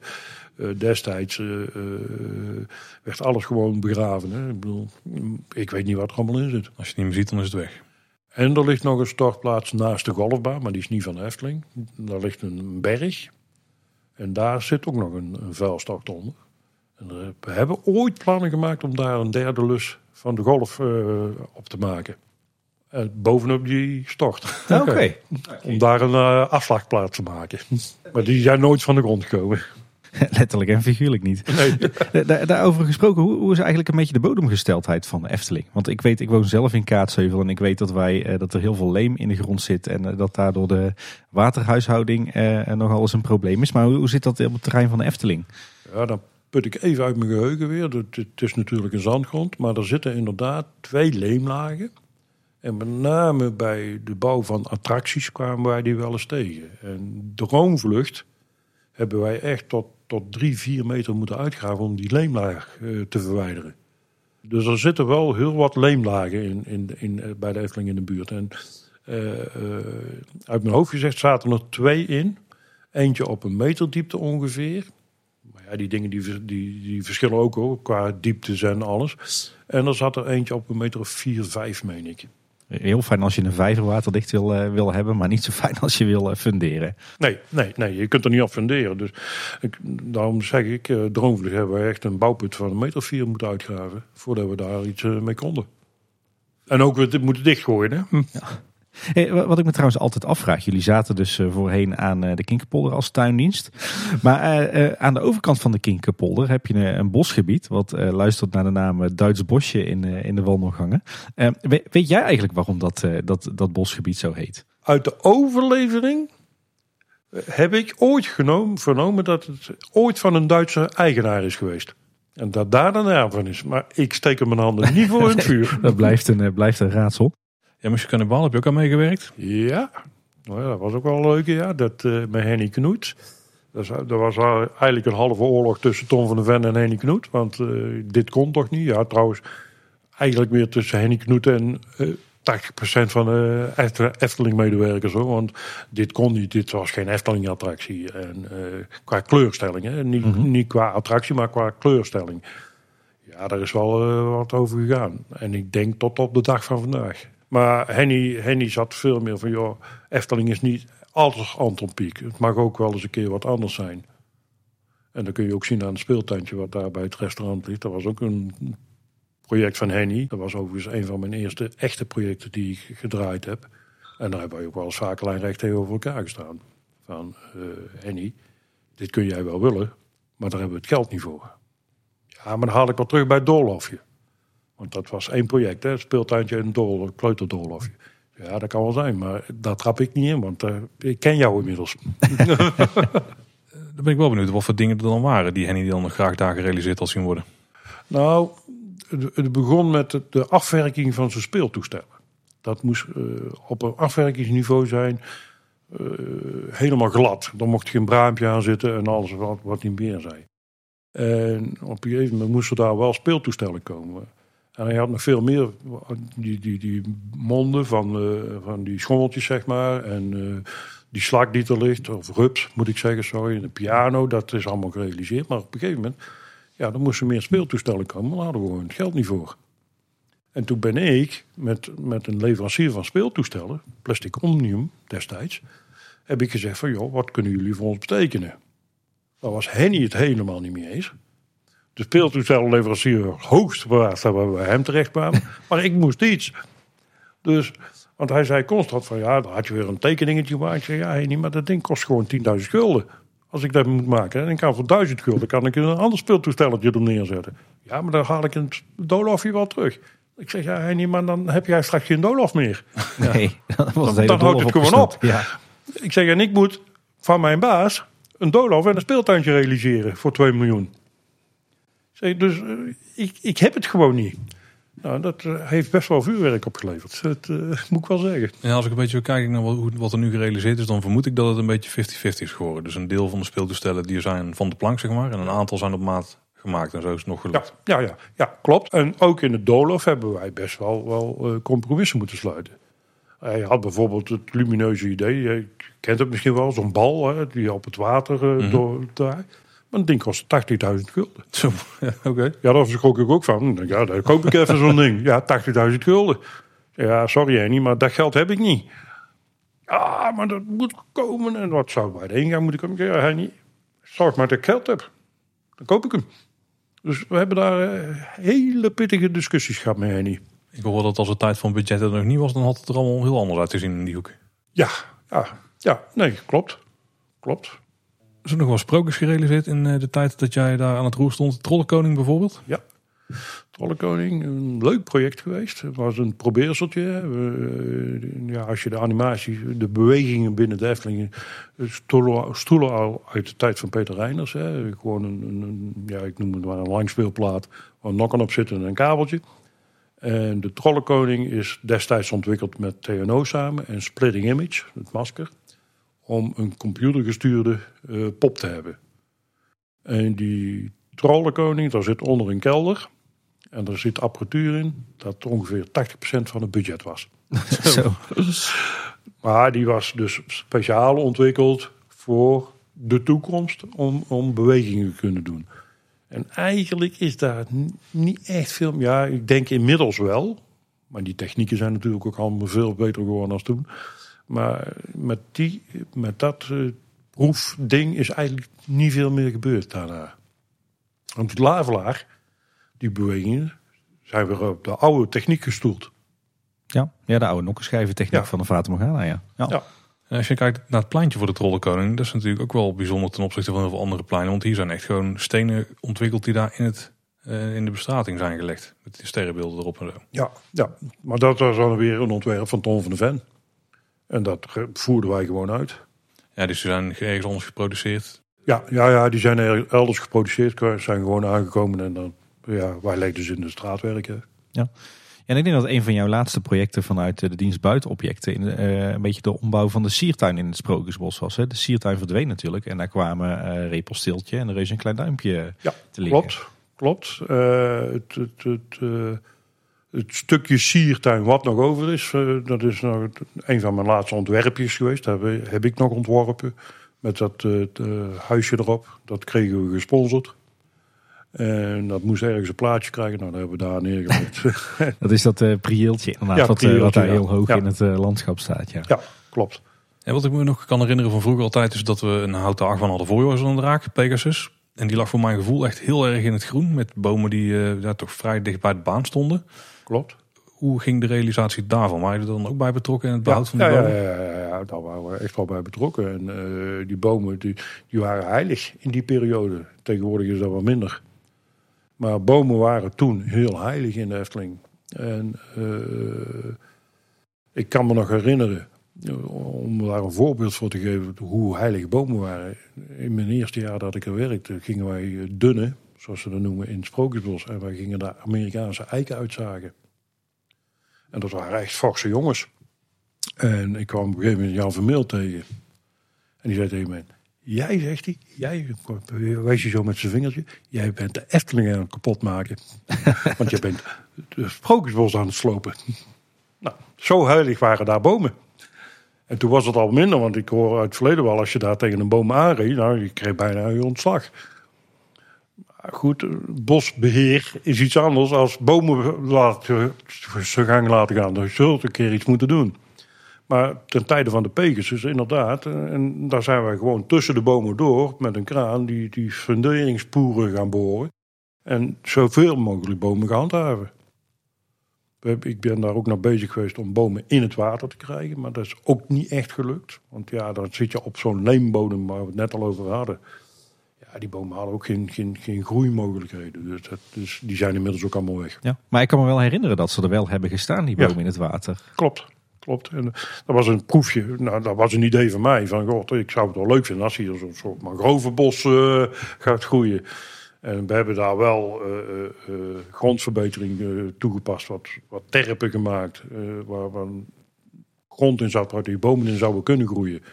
Ja, ze kwamen niet door die leemlaag heen, dus die stonden daar een beetje te, te verpieteren. Ja. Ik kan me wel voorstellen dat het best tricky was om zo'n houten achtbaan zeg maar half met zijn voetjes in een vijver te zetten. Nee, dat valt wel mee, want hij stond gewoon op poeren. Dus die, die, poeren stonden in het water, maar de baan zelfs niet. Maar dat valt wel mee. Hey, en uh, Villa Volta werd natuurlijk in 96 uh, geopend. Ja, ja, en dat is echt mijn, mijn laatste klus inderdaad geweest als hoofd van de dienst buitenobjecten. Daarna heb ik het stokje, stokje, overgedragen. Dat was ook weer zo'n attractie die lag al jaren op de plank. er moest iets komen, nou dat is Villa Volta geworden. Ja, dan moet daar een voorpleintje bij komen. Nou, dan ga je in overleg met Ton van wat is de sfeer, wat moet het worden. Dan doe je daar een voorstelletje in en dan ga je weer aan de gang als een redelijk routinematig klusje dan. Ja, ja, wat is routinematig? Bij Defling is niks echt routinematig natuurlijk, want je komt altijd wel iets tegen. En, en uh, je moet je proberen om je in te leven in, in, in, in, de, in de attractie. Wat ik altijd wel heel jammer heb gevonden, en gelukkig doen ze tegenwoordig wel. Ik heb altijd geijverd voor thematische beplanting. Ik bedoel, bij een Vater Morgana moet je geen rode dendrons neerzetten. Nee, ja. Nee, dan moet je iets oosters neerzetten. Ik kreeg dat toen nooit voor elkaar. Daar was nooit geen budget voor. En inmiddels zie je daar wel een hele grote omslag in komen. Ja, ja zeker. Toen, toen dat tijd was het vooral veel rodo's dan uh, bomen en, uh, en plantgoed. Ja. Piet Schapenhoek kende eigenlijk maar twee planten. Nou ja, twee is overdreven natuurlijk. Maar die kende eigenlijk alleen maar rhododendrons en wisselbeplanningen. Verder kende die niks. Even gechargeerd. En ik was veel meer van de variatie. Ik wilde veel meer, net zoals Lavelaar, daar hebben wij echt met, met, met plantjes aan de gang gegaan. En, en geprobeerd een beetje thematische aanplanten te realiseren. En daar was ik veel meer van. Alleen, ja, wat ik zeg, er was nooit geen budget. Ja. Wat ook misschien wel typisch jaren 80 en 90 is in de Efteling zijn uh, de, hoe zal ik het noemen, de grootschalige meanderingen. Uh, dus echt de, de, de veestal meandering, zeg maar. Was er ook nog veel discussie over? Of was dat echt een budgetding? Dat dat de reden, is dat de reden dat we, dat we die in die tijd heel veel hebben gekregen? Nou, dat, dat was destijds meer uh, uh, noodzaak. Hè? ja, je moet die mensen in, in, in, banen proberen te leiden. Gelukkig is daar ook weer een kentering in gekomen. Hè? Met pre-shows en al die dingen meer. Die meanderingen worden wat meer aangekleed. Ja, daar, daar wordt meer budget voor uitgetrokken. En, en, dat vind ik een hele goede zaak. Maar dat zie ik over de volle breedte gebeuren. Ik heb me altijd in mijn tijd een beetje geërgerd aan, aan, aan de aankleding van de souvenirwinkeltjes en de, de restaurantjes. Het waren gewoon vreedschuren, in principe. Nou, als ik nu Polles Keuken zie, nou, dat vind ik schitterend. dat is wel iets totaal anders. Hè? ja. Maar als je vroeger het theehuis of het restaurant, gewoon vreedschuren. Maar je kunt meandering kun je natuurlijk ook breken met uh, groen. Dat gebeurde bij de Python ook. Daar stond je echt tussen de, de, ja, de bossages te wachten, zeg maar. Ja. Eh, was daar dan nog vaak sprake van dat, dat zoiets toegevoegd moest gaan worden? Of, eh, Nee, daar was, was eigenlijk nooit niet echt een discussie over. Dat was gewoon, joh, er moet een meander in komen, punt. Het was belangrijk dat de mensen konden wachten dan dat ze... Ja, en bij de Python, ja, dat groeide dan, want dan moest je naar boven. Want die, die, dat eh, stationgebouw lag wel hoger. Ja, dan moet je naar boven en dan, ja, goed. En dan heb je je, je meters en dan aan de zijkant, ja, dan zetten we daar maar landingen in. Maar dat is, ja, echt zo, zo, ging dat toen. Zo ging dat toen.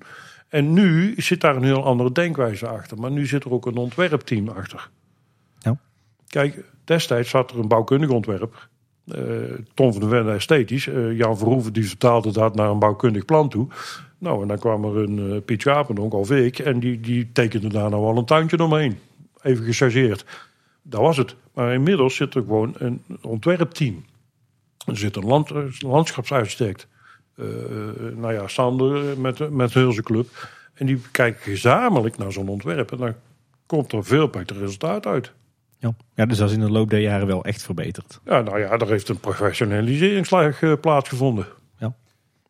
Volgens mij jouw laatste klus, uh, Jacques, voordat je een andere functie kreeg in de Efteling, is uh, Vogelrok geweest. Ja, toen had ik die andere functie al wel. Hè. Toen begon ik al richting die projectorganisatie te groeien. Maar Vogelrok, inderdaad, uh, daar moesten uh, daktuinen komen. Uh, daar moesten bloembakken opkomen op, bovenop het, op de dak. om de, met hangplanten dat die wanden wat begroeid zouden worden. Ik mag wel zeggen dat dat schromelijk mislukt is. en hoe, hoe kwam dat dan? Nou, dan krijg je weer hetzelfde verhaal. Je zet er een bloembak op. Maar je komt er eigenlijk nooit meer bij. Dus dat, dat wordt verwaarloosd en, en uh, dat wordt niet onderhouden. Maar dat, dat, zijn ook van die spinsels, dan, dan denk je eraan. Maar je denkt eigenlijk niet ver genoeg door om, te, om ook echt tot een goed eind te laten komen. Want had berekening naartoe moeten bijvoorbeeld? Nou, die lag al wel. We hadden wel een druppelinstallatie en zo aangelegd. Want zover hadden we wel gedacht. Maar het zijn, het zijn weer bakjes waar je planten in wil laten groeien. En ja, hetzelfde als een boom. Een plant die heeft ruimte nodig om te groeien. Met name ondergronds. En wat die ondergronds produceert, produceert hij ook bovengronds. Als je een boom pakt, de kruin die je boven ziet, die zit ook onder de grond. En als je die niet kan maken, krijgt hij die kruin ook nooit. Ja, dus een hangplant heeft echt flinke, die heeft een flinke bak nodig om echt goed naar beneden te kunnen ja, groeien. Ja, ja. ja. bij Symbolica hebben ze het wel weer geprobeerd. Dus ik ben ook benieuwd hoe dat zich dan gaat ontwikkelen in de komende jaren. Ja, inderdaad. Klopt. Daar heb je ook aardig wat groen eh, op de torentjes. Hey, in, eh, in 1998 maakte je een overstap naar de afdeling kwaliteit en beheer. En daar werd je beheercoördinator, eh, zag ik. Eh, wat was dat voor afdeling en wat was jouw functie daar? Wij hadden in destijds hadden wij Rapier. Dat was een onderhoudsbeheersysteem. Dat had ik met mijn afdeling gevuld. En ik, ik was de grootste tegenstander van dat systeem. Maar ja, het werd ingevoerd, ook vanwege belastingvoordelen. Maar ik had het wel als eerste gevuld. De technische dienst die het zo graag wilde hebben, die kregen het niet voor elkaar. De bouwkundige dienst was ook maar een beetje kwak. Toen heb ik, uh, ben ik die overstap gemaakt, maar dat ging met name over het kabels- en leidingenbeheer. Wat ik net al zei, hè, dat waren allemaal vodjes, totjes, toestanden. En daar moest iets voor op beheer op, voor opgezet worden. En in die periode hebben we echt het kabelleidingenbestand hebben wij uh, gedigitaliseerd. Maar het zijn en blijven onbetrouwbare gegevens. En dat is het voornaamste wat ik in die periode gedaan heb. Uh, wat ben jij in die periode allemaal tegengekomen qua, qua ondergrondse infra? Hoe zit de Efteling wat dat betreft een beetje in elkaar? Nou ja, de Efteling is een beetje ratje toe. qua ondergrondse infra. Dus altijd maar kabeltjes in de grond gegraven. Wat wij in die periode wel gedaan hebben, als er een attractie gebouwd werd, een nieuwe, dan jongens, er komt één kabelsleuf waar alles in ligt. Via normen. In, in de openbare ruimte is het standaard, hè? daar heb je allerlei standaarden voor kabels, hoef ik jou niet te vertellen. Nee. en dat zijn wij in de Efteling ook wel gaan invoeren in die periode. Uh, wat ik in die periode ook heel veel gedaan heb, is uh, de verglazing. Overal glasvezel naartoe brengen. Knooppunten. was ook een behoorlijke klus. Als er ergens een trafo geplaatst moet worden uh, voor, voor een, een nieuwe attractie, moet daar wel kabels naartoe. We hebben in die periode het 10 kV inkoopstation gerealiseerd. Wat, wat, houdt dat in? Daar komt alle stroom binnen van de Efteling. Staat achter de Vader Morgana, daar staat een inkoopstation. 10 kV. Er zijn destijds eh, twee eh, stevige stroomkabels richting de Efteling gebracht. En vanuit daar wordt de stroomvoorziening naar allerlei trafo's ge- gedaan om eh, alles van, van stroom te voorzien. En al die trafo's zitten ook allemaal aan elkaar gekoppeld. Maar even, als ik net goed begreep, we we zijn inmiddels een minuutje of twee verder. eh, was het zo voorheen dat als je een attractiegebouw had, dat daar dan van alle kanten gewoon kabels naartoe konden lopen? Ja. dus Fata Morgana bijvoorbeeld, dat kan goed zijn dat daar Nou, Vader Morgana is al wel iets beter gestructureerd. Maar bijvoorbeeld een Python. Hé, hey, daar ligt gas. Oké, dan halen we daar het gas vandaan. Oh, daar ligt water. Dan halen we daar het water vandaan. Zo ging dat. Ja, ik kan me voorstellen dat het wel een verbetering is als je één plek hebt voor alles binnenkomt en het dan binnen het attractiegebied gaat verspreiden. Want dat is wat nu gebeurt. Ja. ja. We hebben, nou, wat we nu ook heel erg zeggen. Van, eh, eh, waar komt de technische ruimte? Daar komt ook alles binnen. En inmiddels liggen er overal ringleidingen. Van gas, water, eh, eh, elektra, glasvezel. Perslucht. Eh perslucht weet ik niet. Daar deden wij nog niet zoveel mee toen. Maar dat zou wel eens kunnen hoor. Want daar, be- daar begon een beetje te lopen toen ik weg ben gegaan, perslucht. Ja, er, er ligt inmiddels wel een, ook een persluchtringleiding in de Efteling. Die kan je herkennen aan die groene bordjes met PL erop. Moet je maar eens op letten. Maar we proberen nu wel één sleuf richting die attractie eh toen. Eén sleuf richting die attractie waar alles in ligt. Wel op gepaste afstand van elkaar uiteraard. Hè. Er zijn allerlei regeltjes aan verbonden. Er is bij wijze van spreken een soort hoofdstraat door heel de Efteling en alle attracties en gebouwtjes en alle resten die daarvan aftakken. Ja, zo, zo, zo strak zal het nog niet zijn. hè, want ja, die, die oude troep die ruim je niet zomaar op. Ja. Maar zo zou het wel moeten zijn eigenlijk. Ja, het zou, het zou wel moeten zijn. Maar ja, goed. Het, kijk, daar ligt eh 70 jaar inmiddels eh, historie in de grond. Hè. Het is 70 jaar geleden begonnen. En toen deden ze maar een dotje. En eh, ja, en dan gaat het groeien. Ja, dan krijg je zoiets. Ja, En, en ik hoor jou zeggen dat de Efteling eh, zijn eigen middenspanningsnet heeft. Dus met eh, transformatoren overal in het park. Dus de Efteling heeft eigenlijk zijn eigen stroomvoorziening wat dat betreft. Eh, nou ja, ze kopen de stroom natuurlijk in. Maar bij, eh, bij, bij een attractie moet 9 van de 10 keer een, een trafo bij. Want die vragen der, dermate veel stroom dat er een trafo bij moet. Bij het theater staan er zelfs twee van de 1000 kVA. Dat is een flinke 1000 elektronische ampère, moet ik installatie. ja. dat zijn, zijn behoorlijke jongens. En eh, hoe zit het dan met de riolering in de Efteling? Want ik kan me voorstellen dat het ook een behoorlijke puzzel is. Ja, eh, ook in die periode ongeveer zijn wij wel begonnen met heel veel afkoppelen. Eh, overal waar we gingen graven namen we de riolering mee. kwam er een, een, een hemelwaterafvoer bij te liggen. En die hemelwaterafvoer die ging altijd richting de vijvers. En via de vijvers konden wij het weer overstorten richting eh, het buitengebied. En als ik het goed zeg, is Bosrijk, nee, ja, Bosrijk ook weer aangesloten met zijn vijvers op het eh, Eftelingwatersysteem. Was destijds het plan. Ik kan me wel voorstellen dat qua riool dat de Efteling niet één rioolaansluiting heeft. Ja, heeft één riool. Eén, dat moet dan een gigantische aansluiting zijn. ook. Of, Eh, nou, dat valt wel mee. Eh, wij hadden destijds drie eh, rioolaansluitingen aan de Europalaan. De gemeente wilde die terugbrengen naar één aansluiting en ook gaan bemeten hoeveel er daadwerkelijk werkelijk geloosd werd. Onder de tuindienst, de huidige locatie van de tuindienst, zit een bergingskelder. Oh, Als bij hevige regenval of wat dan ook het riool niet voldoende kon lozen, want we werden beperkt door die put die in de gemeente stond. Hè, daar zit een pomp in en die had maar een bepaalde capaciteit. Is die niet voldoende, dan stroomt het vuile water in die kelder onder de tuindienst. En die wordt dan langzaam leeggetrokken op het moment dat wij minder afvoeren. Is die put vol, hadden we destijds, ik weet niet of het er nog zit, een overstort naar de sloot bij het hotel.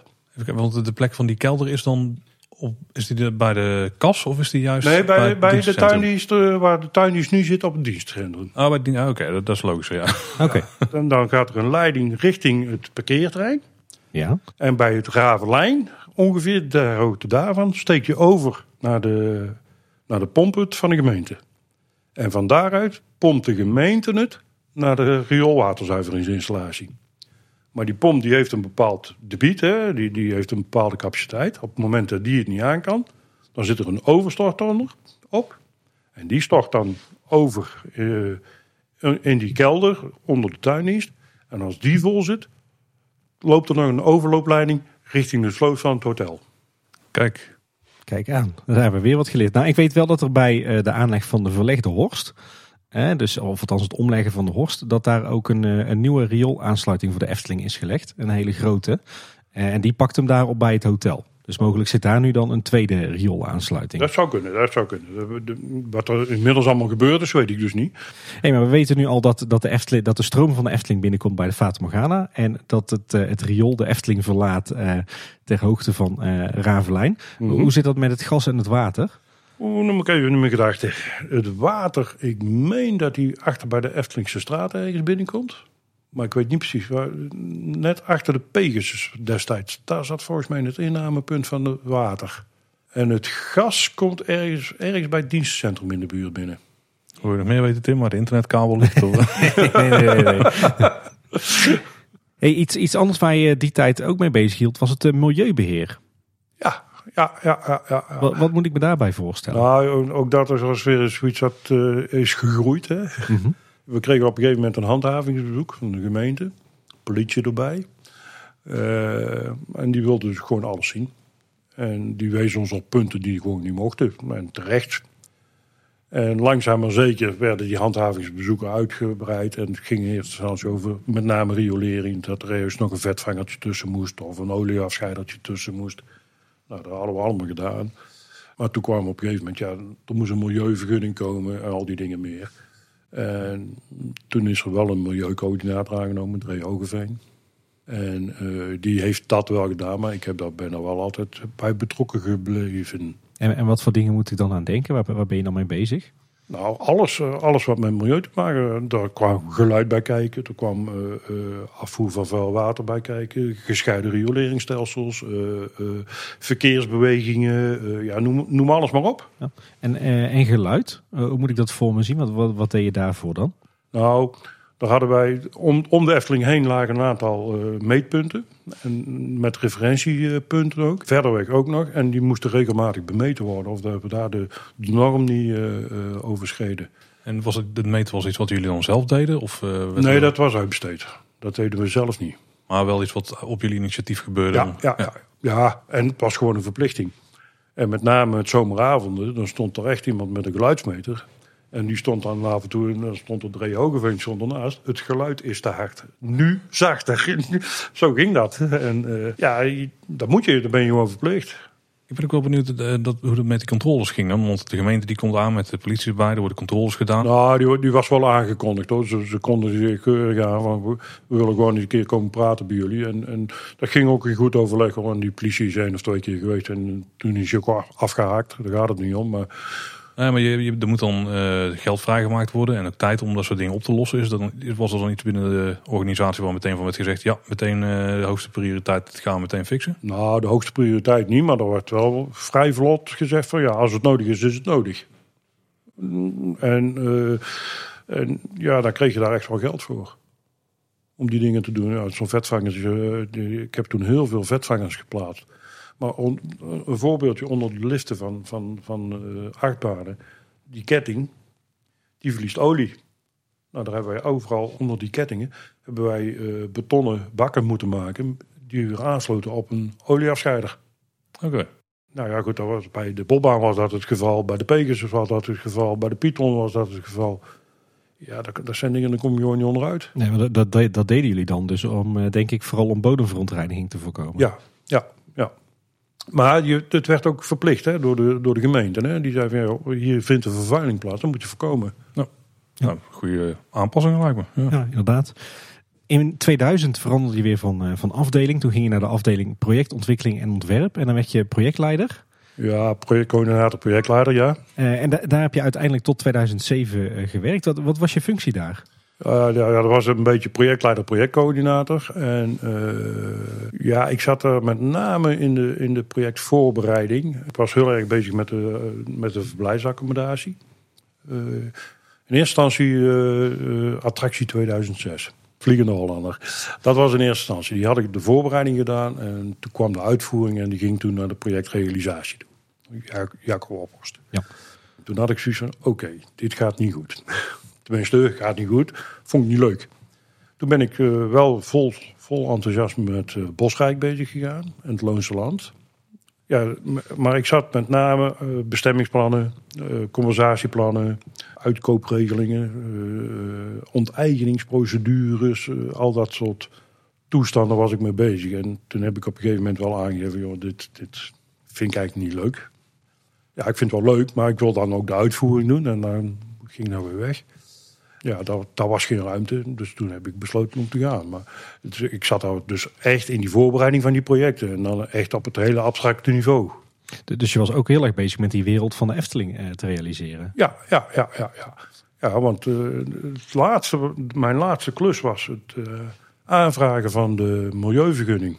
Omgevingsvergunning tegenwoordig. Voor Bosrijk en het Loose Land. En het Loose Land is eigenlijk ja, een beetje uit de koker van Erik en mij gekomen. Naar aanleiding van een das die daar gevonden was. Toen hebben wij met eh, das en boom om de tafel gezeten. Natuurmonumenten was erbij. En zodoende is het Loose Land idee ontstaan. En dat was ontstaan naar aanleiding van een archeologisch onderzoek. Daar vonden ze nog resten van een oud cultuurlandschap. 18e eeuws cultuurlandschap. En dat was eigenlijk de trigger om, eh, het Loose Land te ontwikkelen. Oké. En dan heb je het over het vakantiepark en niet Ja. Ja. Je zei net al dat je onder meer betrokken was, of eigenlijk verantwoordelijk was voor de voorbereiding eh, van de Vliegende Hollander. Wat, Mhm. eh, wat, wat, wat was daar jouw, eh, jouw rol dan precies in? Nou, dat was wel echt coördinerend. Hè? Dat was echt eh, eh, ook, ook daar weer de vergunningen aanvragen en eh, eh, dat soort dingen. Ja. Er, eh, er is bekend dat de Vliegende Hollander uiteindelijk anders is geworden dan, dan wat in eerste instantie de bedoeling was. Eh, Kan jij je nog herinneren wat, wat eh, in de oorsprong de plannen waren voor de Vliegende Hollander? Ja, heel goed. Die waren nogal heel ambitieus. Dat was een, een, darkride combinatie. Dat is hier nu nog een beetje. Alleen de darkride zou veel langer duren en veel meer aangekleed zijn. En er zat een horecagelegenheid bij waar je alle pirates zoals ik hebben, bieren, hm, kom bijna niet uit, eh, door, doorheen zou varen door die horecagelegenheid. Er zou een winkel bij komen en alles. Alleen ja, daar hadden ze budget niet voor. Nee. Nou, hoe kwamen ze er al redelijk snel achter? Ja, er stond een budget van, ik meen, iets van 12 miljoen voor de Vliegende Hollander. Alleen wij kregen de opdracht om los te gaan. Om te kijken wat het zou komen. Nou, toen hebben wij dat eerste ontwerpje gemaakt. Hè, met een restaurant erbij, een winkel erbij, een grotere darkride. Helemaal gethematiseerd. Maar die kwam even rond de 38 miljoen uit. Zo, dat is een flinke overschrijding. Ja. Toen kregen we min of meer op ons donder. dat mag duidelijk zijn. En toen gingen we weer terug naar die 12 miljoen. En toen hebben wij gezegd, ja, dan krijg je Pythonachtig iets. Willen we dat? Nou, toen is de budget wel vergroot. Ik meen tot 23 miljoen, eh, even uit mijn hoofd gezegd. En daar is dit uit ontstaan. Maar was het, eh, was het thematisch wel eh, destijds al, al een beetje hetzelfde idee als wat we nu uiteindelijk hebben gekregen? Ja, ja, ja. ja. Het the- het thema, dat is altijd wel Vliegende Hollander geweest. En ook, ook de gevels, die, dat is altijd wel zo geweest. En, en die, die veel uitgebreidere dark ride, wat, wat zou je daar dan in te zien krijgen? Oeh, dat weet ik niet meer. Dat durf ik zo niet meer te zeggen. Ik, ik, ik, heb, ik kan me nog wel wat tekeningetjes voor de geest halen. Maar ja, daar zat, er zat geloof ik ook eh, iets van een veldslag in of zo. Weet ik het allemaal. Het is, eh, Ve- Veel meer richting het, eh, het pirate, zeg maar. ja, eh, ja, ja. ja. ja, Ehm, volgens mij projecten waar jij daarvoor ook nog bij betrokken bent geweest... zijn het, eh, het theater en Panadroom. Ja, theater eh, eh, ben ik ook... Erik van Brand kwam op een gegeven moment naar mij toe. eh, van, je gaat je bemoeien met theater. En toen heb ik een keer raar aangekeken. Ik zeg een ovenier die een bouwkundig project moet gaan doen. eh, ik weet het niet, maar... Nee, maar wij kijken op de achtergrond wel mee en dat komt wel goed. En Leo Pullers was er ook bij betrokken. Eh, toen kregen we de opdracht om theater te bouwen. We zijn in mei begonnen. En 17 maart moest het opgeleverd worden. Dat was een geest tegen de klok. Ja. Toen kregen we de bouwkundige er ook nog bij. Thematisering deed eh, iemand anders. Maar de bouw, want het was dezelfde aannemer, daar kun je dan wel meenemen. En dat was een behoorlijke klus, ja. Dat, eh, ik kan me nog herinneren dat eh 48 uur voordat we open zouden gaan... kwam de brandweer en die keurde de boel af. Oei. Ja, oei. En, eh, en heb je het dan over het theater of over Panadroom? Nee, theater. Want ja, de, de voorgevel en het foyer en zo moest allemaal nog gebouwd worden. En eh, de zijgevel was ook nog niet helemaal klaar. En die zei toen gewoon van, ja, dit kan niet open. Zei, wat moet er allemaal nog gebeuren? Nou, hij stond een heel lijstje op eh, vluchtroutes en al die dingen meer. En afschermingen van de bouw. Ik zei, nou ja, goed, we hebben nog 48 uur. Ja. ik zeg, we gaan ervoor. En eh, ik, toen had ik hem uitgenodigd om uh, donderdagsmiddags om vier uur, om vijf uur zou de première zijn. Of half vijf, weet ik niet meer precies. Première voor het personeel van de Hans Klok Show. En het was ook het 50 jaar bestaan van de Efteling, geloof. Ik ja, dat kan ik niet maken. Dat ga ik niet verkopen dan direct dat we niet open kunnen. En toen had ik hem uitgenodigd. Ja, kom om drie uur, dan mag je de show ook naar mij kijken. Nou, hij was er. En we mochten open, dus dat was wel even, even heel spannend. Hoe kwam het eigenlijk dat, dat de, de voorkant van het theater, dus de foyer en, en de voorgevel, dat die uiteindelijk pas een jaar later zijn opgeleverd? Nou, dat had te maken met uh, budget en tijd. De, de zijgevel had Ton van de Ven al uitgedacht. Maar de, het foyer en zo, uh, ja, dat, dat was er nog niet. En ja, ze wilden toch dat theater hebben vanwege het jubileumjaar. Ze hadden Hans Klok gecontracteerd om, om daar die show te geven. Overigens niet leuk als je dat weet, want ik ken inmiddels alle trucs hoe dat werkt. dus, uh, en dat is allemaal minder. Maar uh, dat was gewoon met tijd ook. Met name tijd. En, volgens mij was dit bouwkundig wel een monsterklus. Hè? Want je zei al, het, het theater staat half op palen. Er moest een, een oude stortplaats worden ingepakt. En het is nogal een constructie. Ja, ja, ja dat was een behoorlijke klus. En ik, ik, kan me nog herinneren dat die spanten voor, voor, de, voor de zaal zeg maar, binnenkwamen. Ja, die kregen maar amper op trein op. Dan moesten we de poort nog verslopen. Demonteren moet ik zeggen zal het netjes zeggen. Want anders kwamen, kwamen ze de trein niet op. Dus uh, ja, dat, uh, dat was echt een, een, een buffeljaar, mag ik wel zeggen. Dat was uh, lange dagen maken, ook voor de aannemer uiteraard. maar ook voor ons. Ja. Maar, maar verliep de bouw wel zonder, zonder noemenswaardige tegenslagen? Of zaten er ook al dingen tegen? Nou, wat zat er niet tegen, zou ik bijna zeggen.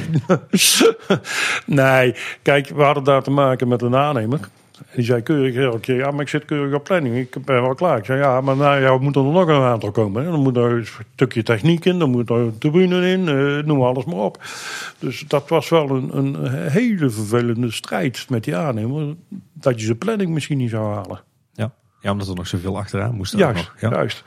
En die aannemer was daar redelijk uh, uh, arrogant in, moet ik zeggen. En die had zoiets van, ja, maar ik, ik doe mijn werk toch? Het is toch allemaal goed? Was hij op tijd klaar? Nou ja, wat ik zeg, 48 uur van tevoren moest er nog heel veel gebeuren. Dus, uh... en uh, je kreeg toen ook Panadroom uh, in je mik geschoven. Ja? hoe ging die bouw? Oh, die, die ging wel redelijk soepel. Het enige probleem wat we daarbij hadden, en dat neem ik de Efteling tot op de dag van vandaag kwalijk. We hadden de afspraak, de weg langs het spoorlijntje zou afgesloten worden. En die zou voor de bouw van het uh, pandadroom geschikt gemaakt worden. Die weg hebben wij nooit mogen afsluiten vanaf uh, van, van de exploitatie. Die wilde per se die weg openhouden. En daar hebben we wel heel veel problemen mee gehad. En de bezoekersstroom die ging op een gegeven moment via het spoorlijntje lopen. De bezoekers, nou levensgevaarlijk, moesten nou poorten voorgezet worden, hè, dat ze daar niet door konden. Ja, daar hebben, dat was wel een, een, een dingetje. En die aannemer die zat constant van ja, maar ik moet met mijn materialen daar ergens kunnen opslaan. En die ruimte kreeg hij niet. Ja, ja want er liep toen volgens mij een tijdelijke bouwweg zo'n beetje door de Vonderplas. Ja, net langsaf. Ja. Net langsaf, ja. ja. En die stak inderdaad het, het pad tussen zeg maar, het Dwarrelplein en de Steenbok over. En dat was dan uh, het punt wat je graag afgesloten had willen hebben voor een goede nou, dat, dat was met de aannemer afgesproken. Alleen, ik weet niet wie die afspraken gemaakt had. Want dat was buiten mij omgegaan uiteraard. En ik ben bang dat dat nooit goed gecommuniceerd is met de exploitatie destijds. En die wilde die pad gewoon openhouden. Ja. En daar hebben we wel, dat was wel een dingetje. Maar de bouw aan zich, nee, daar hebben we niet zoveel, uh, dat is redelijk uh, vlotjes verlopen. Ja. En je zei net al dat je heel druk bezig bent geweest met het, het realiseren van de verblijfsaccommodatie. Wat kwamen daar voor uitdagingen op je pad?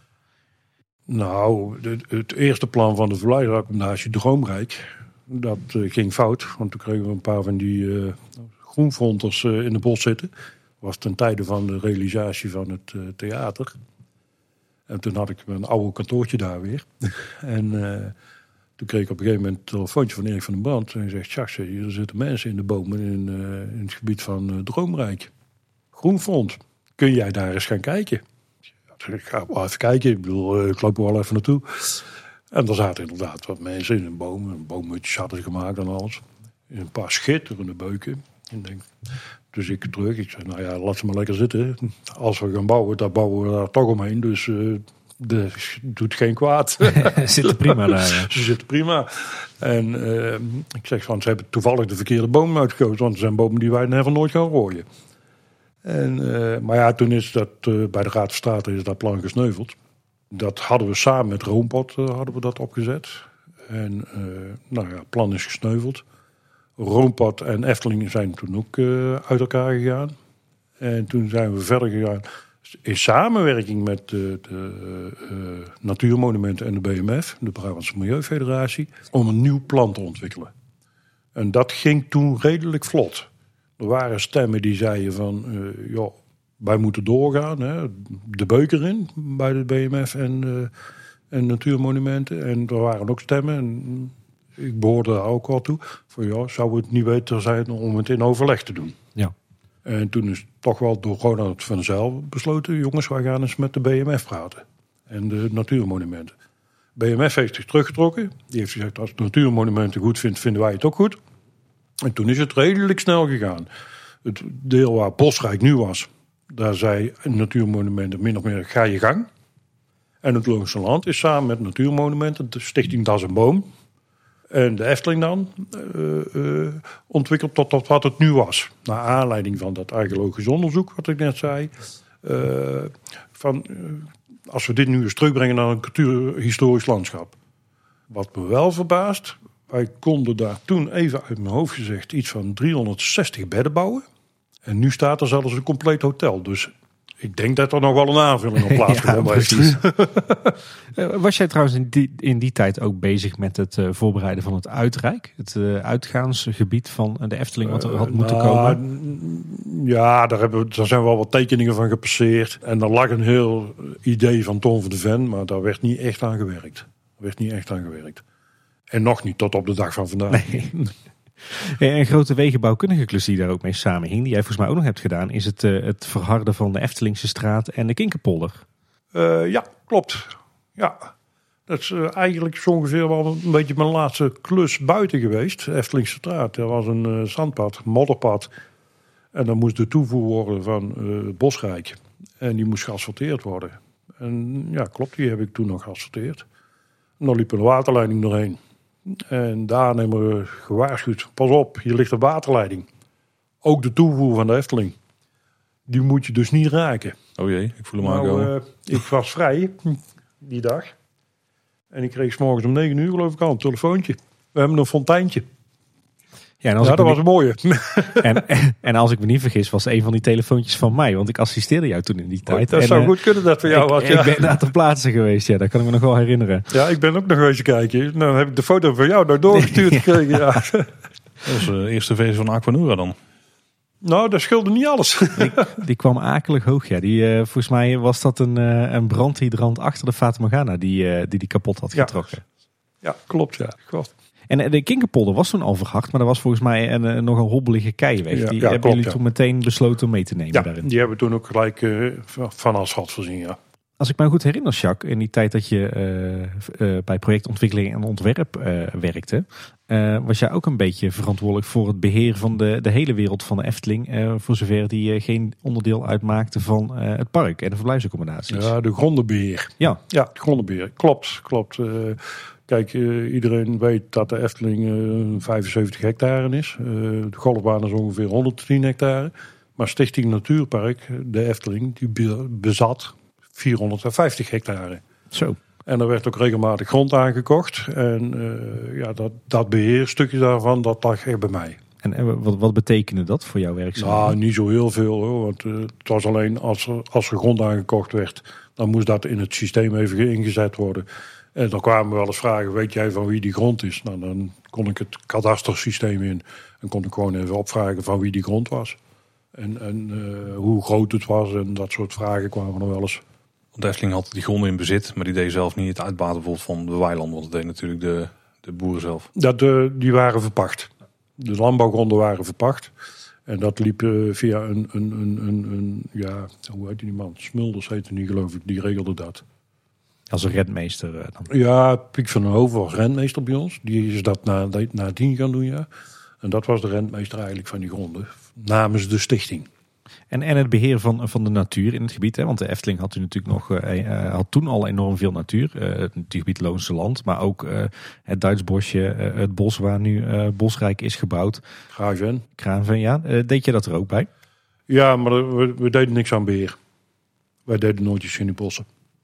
Hooguit als er eens een keer een storm was geweest en een boom omgewaaid die op het pad lag. Dan haalden we die weg, maar verder gebeurde er niks. Nee. nee. Eh, nou is het grondgebied van de Efteling en van de stichting de laatste jaren flink ingeperkt. Hè. Het, het Kraanven is, eh, is overgegaan naar eh, natuurmonumenten. Eh, alle natuur en landbouw ten zuiden van het Hooispoor. Pas geleden nog een, een heel groot deel van het natuurgebied, het Loonse Land. Dat zal in jouw tijd ondenkbaar zijn geweest. Want toen was het volgens mij vooral nog groter, groter, groter worden. Ja, dat, dat verbaasde me ook. Het kraanven wist ik, want dat was onderdeel van de compensatie voor de verblijfsdocumentatie. Eh, dus dat was bekend dat we dat zouden afstoten op het moment dat er de vergunning was, hè, dat we mochten bouwen. Eh, maar de andere gronden, ik, ik las het laatst ook in de krant en dan, dat verbaasde me wel, ja, dat ze dat eh, zo makkelijk weggaven. Ik kan het wel snappen, want ja, ze kunnen niks met die grond. Dus het kost alleen maar geld. En als je het dan voor een symbolisch bedrag van een euro, heb ik begrepen, over kunt eh, doen, ja, ja oké. Ik snap het wel, maar het was in mijn tijd, eh, denk ik, ondenkbaar, ja. En had jij vanuit het grondenbeheer ook, ook nog contact met de, de stichting? Nee, nee, nee, nee. Dat liep, liep echt via de directie. Ja. Oh. Met de gemeente wel. Met de gemeente heb ik heel veel contacten gehad. Ik mag wel zeggen dat eh, ik de, contactpersoon was voor de gemeente en eh, provincie op heel veel vlakken. Oh, nou, waar, waar moet ik dan aan denken? Nou, met name die vergunningen waar we mee bezig waren. Hè, de omgevingsvergunningen tegenwoordig. Maar de milieuvergunningen, bestemmingsplanwijzigingen, compensatieplannen, de eerste herziening, tweede herziening, eh, al die dingen meer. Ja, dat ging allemaal in overleg met de provincie met name. Bestemmingsplan is een van de dingen die wij heel vaak aanhalen. Eh, er is nu voor gekozen om voor een, eh, nou, ik mag wel zeggen, denk ik, gigantisch bestemmingsplan te gaan. Wat bijna heel de wereld van de Efteling eh, omvat. Eh, toen de tijd ging nou anders. Hè. Toen werd er steeds wel project voor project aangepakt. Wat, vind je nou van het verschil van die twee aanpakken? Ehm, er is voor alle twee iets te zeggen. Kijk, als je het nu aanpakt in één keer, dan eh, ben je voor de komende jaren klaar. Ik weet niet hoe, hoe ver het in beton gegoten is, hè, het bestemmingsplan. Want Efteling kennende, ze willen nog alles van richtingen veranderen. Wat ik zeg, ik kreeg, de eerste dag kreeg ik een tekening voor de wereld van de Efteling over tien jaar. en nu ligt er een heel ander plan. Ik zie wel dingen van herkenning, daar gaat het niet om. Maar als je het alles omvattend doet en je giet het echt in beton, dan kun je weinig anders meer. Daarnaast, en dat is ook gebleken, hoe omvattender het is, hoe meer bezwaren er binnenkomen. Dat is gebleken. Op het moment dat je het in stukken knipt, want ik denk als ze de uitbreiding van het park richting, eh, met- de horst en zo apart hadden genomen, was het een appeltje eitje geweest. Want daar had denk ik niemand bezwaar tegen gemaakt Nee, nee. die uitbreiding valt, denk ik, nu stil. Nou, ook door de coronacrisis natuurlijk. Maar die valt nu stil doordat het in het allesomvattende bestemmingsplan is eh, gegoten. Denk ik. Ja, het is ook wel mooi dat je dat zegt, want eh, het is zo dat ze. Het is niet echt in beton gegoten. Want ze hebben op heel veel plekken hebben ze best wel flexibele bestemming, zeg maar. Maar daar zit ook een deel van het probleem in. Want omdat die nog vrij flexibel is, ja, dan kunnen bouwvolumes geplaatst worden zo en zo groot ongeveer.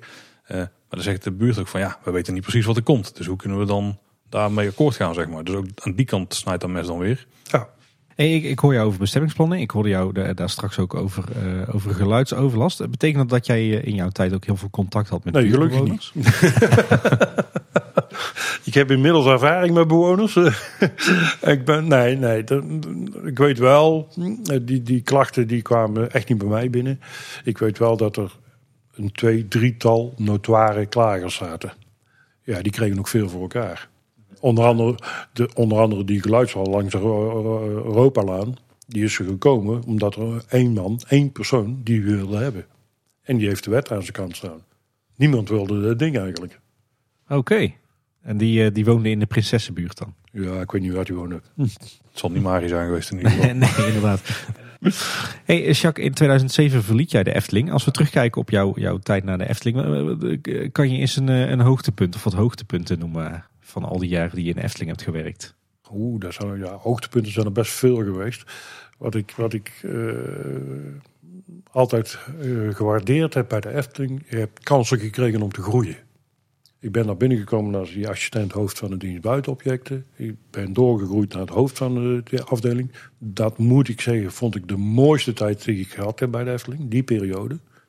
Want dan heb je een verantwoordelijkheid. Je bent overal voor verantwoordelijk. Hè, voor het ontwerp, voor de realisatie en het onderhoud. En de inkoop, alles. En ik snap dat dat niet houdbaar is, hè, dat snap ik ook. Maar dat is mijn mooiste periode geweest bij de Efteling. En, maar daarnaast, je krijgt kansen. En als, als je ze wil aanpakken, dan kun je daar iets, iets mee. Ik bedoel, ik ben betrokken geweest bij bouwkundige projecten. En in eerste instantie denk je, wow.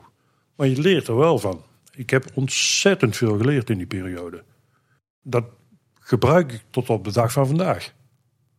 En uh, ja, hoogtepunten, echt hoogtepunten voor mij was wel het hele filter, het klaterwatersysteem. Dat vond ik wel een hoogtepunt, want daar ben ik echt een jaar of tien mee bezig geweest ongeveer. Nou, tien niet, maar zes, zeven jaar ben ik daar mee bezig geweest.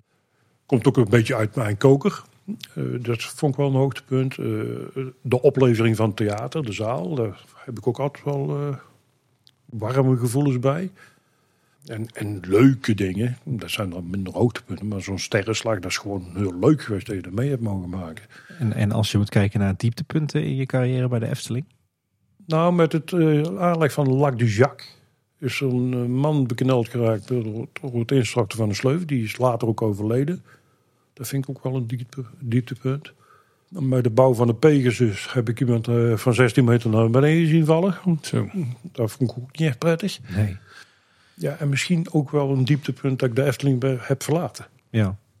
Misschien, is dat, ja, misschien kan ik ook nog wel een dieptepunt noemen. Maar verder, ja, ik, ik heb er altijd met veel plezier gewerkt. En tuurlijk, het is overal wel eens iets. Hè? Ja, dat is zeker. Tuurlijk, ik, ik, heb ook wel eens gemopperd hoor op die organisatie. Als dan wanneer Vugs en, uh, en Fons Jurgens binnenkwamen, wij zijn de baas, wij betalen. Wij bepalen. Dan zei ik wel, we bepalen helemaal niks, je betalen niks. dus uh, daar had ik wel eens moeite mee ja, met die uitspraak als ze dan binnenkwamen. Hè? Ja, je zei net al dat je, dat je heel veel hebt geleerd bij de Efteling, waar je in je latere carrière ook al heel veel profijt van hebt gehad. Wat zijn dat dan voor dingen? Nou ja, toch, toch eens wat breder kijken dan alleen je eigen vakgebiedje. Multifunctioneel worden. Het projectmatige werken. Dat heb ik echt wel bij de Efteling geleerd. Uh, maar ook, ook luisteren naar anderen. Ik kan wel een mening hebben, maar de vraag is altijd: is dat wel de juiste mening? En dat vind ik wel heel belangrijk. Natuurlijk heb je in de tijd bij de Efteling heb je met enorm veel mensen gewerkt. Uh, we kennen een hoop namen uit de Efteling-organisatie, die kennen we met z'n allen. Wat waren vanuit jou de meest gewaardeerde collega's? En waren misschien ook wat ondergewaardeerde collega's? Dus die echt veel voor de Efteling betekenen, maar misschien niet zo uh, bekend waren of naar buiten traden daarmee? Er zitten bij de Efteling, zaten en zitten denk ik nog steeds heel veel mensen die heel bevlogen zijn in hun vak en in hun drive om van de Efteling iets moois te maken. Je noemde net Mario Deeltjes al. Nou, iemand die treedt dan nogal regelmatig op de voorgrond. Maar als je wat mensen die naar de achtergrond treden, waar ik best wel respect voor had, ondanks dat ik er veel ruzie mee gehad heb, is bijvoorbeeld Henny Knoet.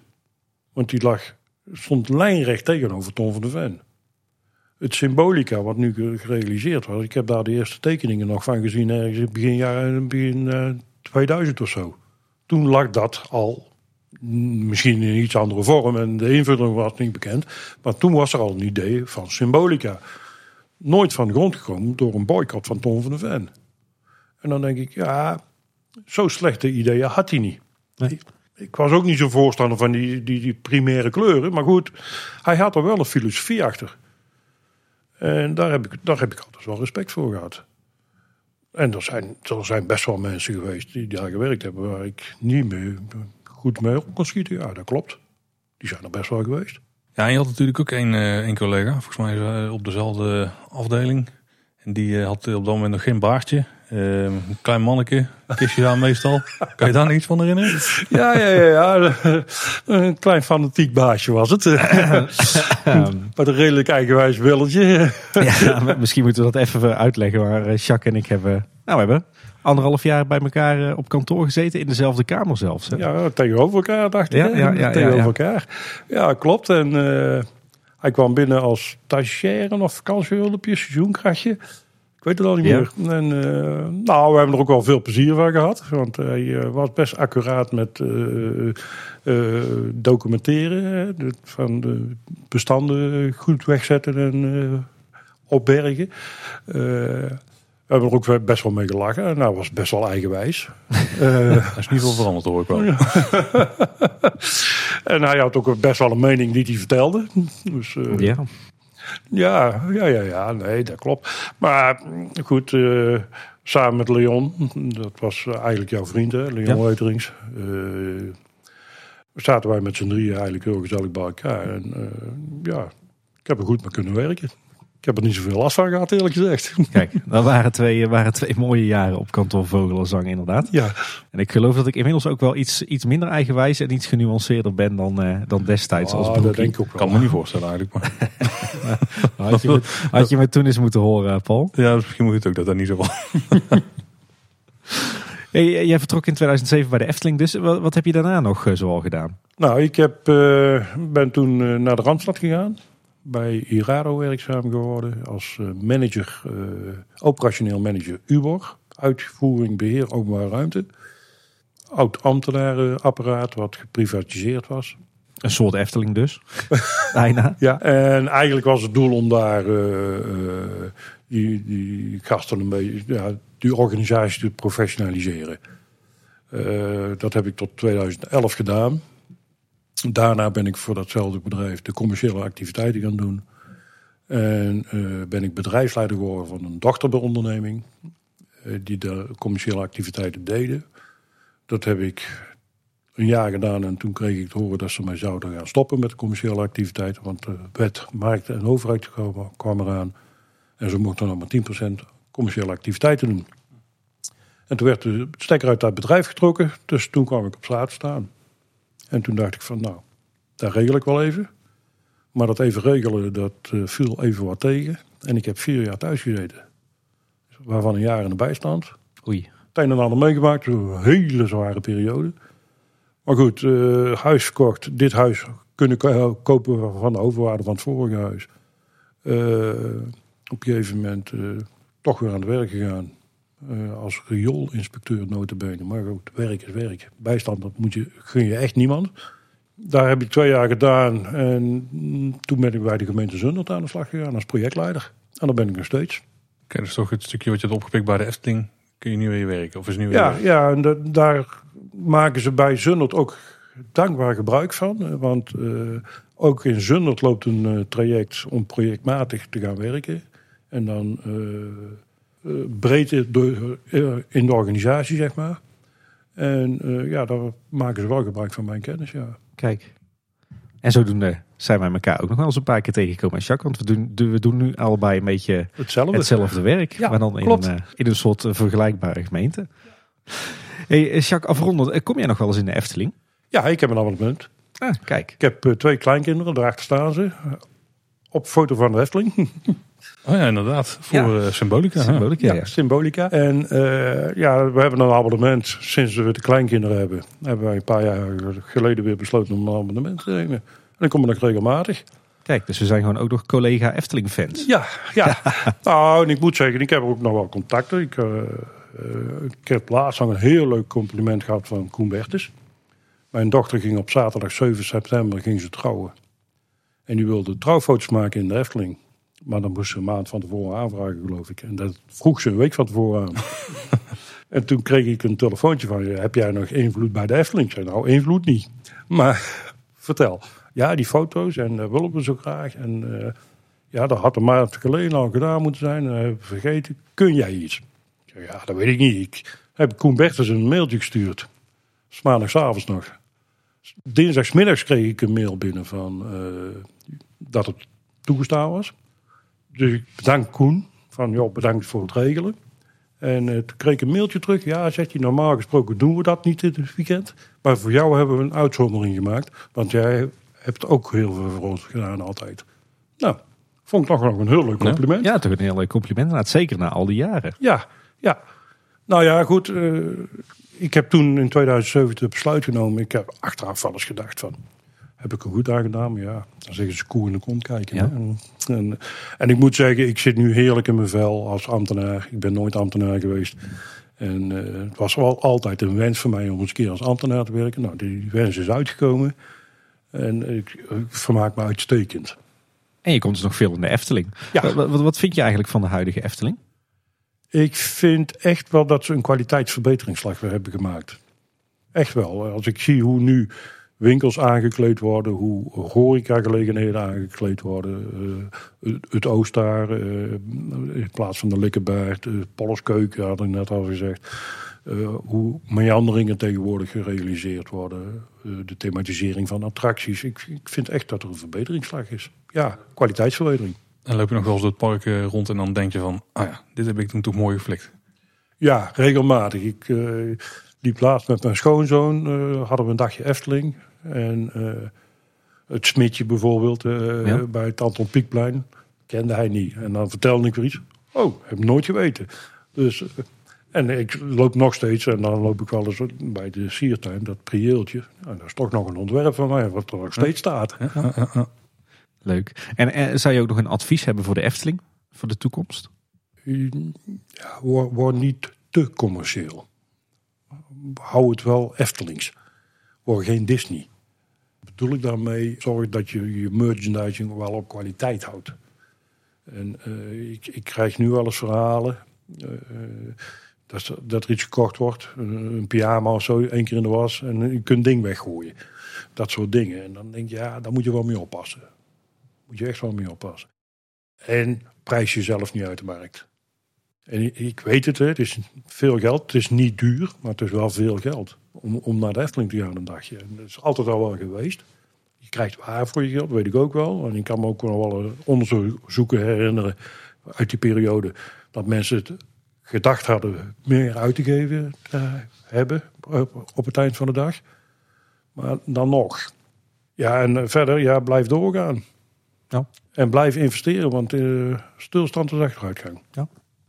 Nou, dat lijken me wijze woorden eh, waar wij het alleen maar mee eens kunnen zijn. eh, en ook mooie woorden om dit, eh, dit interview mee af te sluiten. Nou Jacques, dan willen we jou van harte bedanken voor jouw tijd. Graag gedaan. Ik vond het leuk. We hebben weer een paar mooie kijkers gekregen in eh, ja, een periode die wij toch iets minder bewust hebben meegekregen, denk ik. Ja, behalve de laatste jaren dan natuurlijk. En vooral jij, Tim. Ja, ja we, hebben- we hebben niet alleen kijkjes achter de schermen gekregen, maar nu ook kijkjes onder de grond. Oeh, ja, Dat is de eerste keer dat we dat eh, hebben gehad in Kleine Boodschap. Oké. inderdaad, ja. Eh, wil je nou overigens nog meer weten van eh, hoe het op dit moment met groen eraan toe gaat in de Efteling, dan kun je onze aflevering met Mario Deeltjes luisteren. Dus toch, die heb je nog aangenomen, hoorden we in het begin, ja? Ja, klopt. Die vertelt hoe het er tegenwoordig een beetje aan toe gaat. Misschien niet zo gedetailleerd als hier, maar ook heel interessant als je dit, als je dit een mooi inkijkje vond. Ja, of natuurlijk het, het rondje Keienspoor met Ivo Suutmeijer. Hè? Ook een klein beetje jouw opvolger, Jacques. Ja, en zeker het, intro- de introductie die daar aan vooraf ging, ja. Ja. Nou, wil je laten weten wat je van deze aflevering vond? Daar hebben we verschillende manieren voor. Je kunt bijvoorbeeld een berichtje achterlaten op social media. Op Twitter zijn we @k Boodschap. En op Facebook en Instagram zijn we Kleine Boodschap. We hebben ook een website, kleineboodschap.com. Daar vind je alle afleveringen. Er staan ook de show notes bij. Dus als er relevante linkjes zijn, dan plaatsen we die daar. Kun je de afleveringen zelf luisteren. En er staat een contactformuliertje op. Ja, en daarnaast kan je ook gewoon mailen naar info.kleineboodschap.com. En luister je ons nou in een podcast app, dan kun je je daar direct abonneren. Dan krijg je op zijn minst iedere maandag een nieuwe Kleine Boodschap afleveringen in je podcastfeed te zien.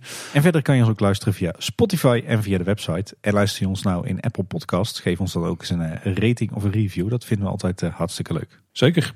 In ieder geval bedankt voor het luisteren. Tot de volgende keer. En houdoe. Houdoe waar. Houdoe.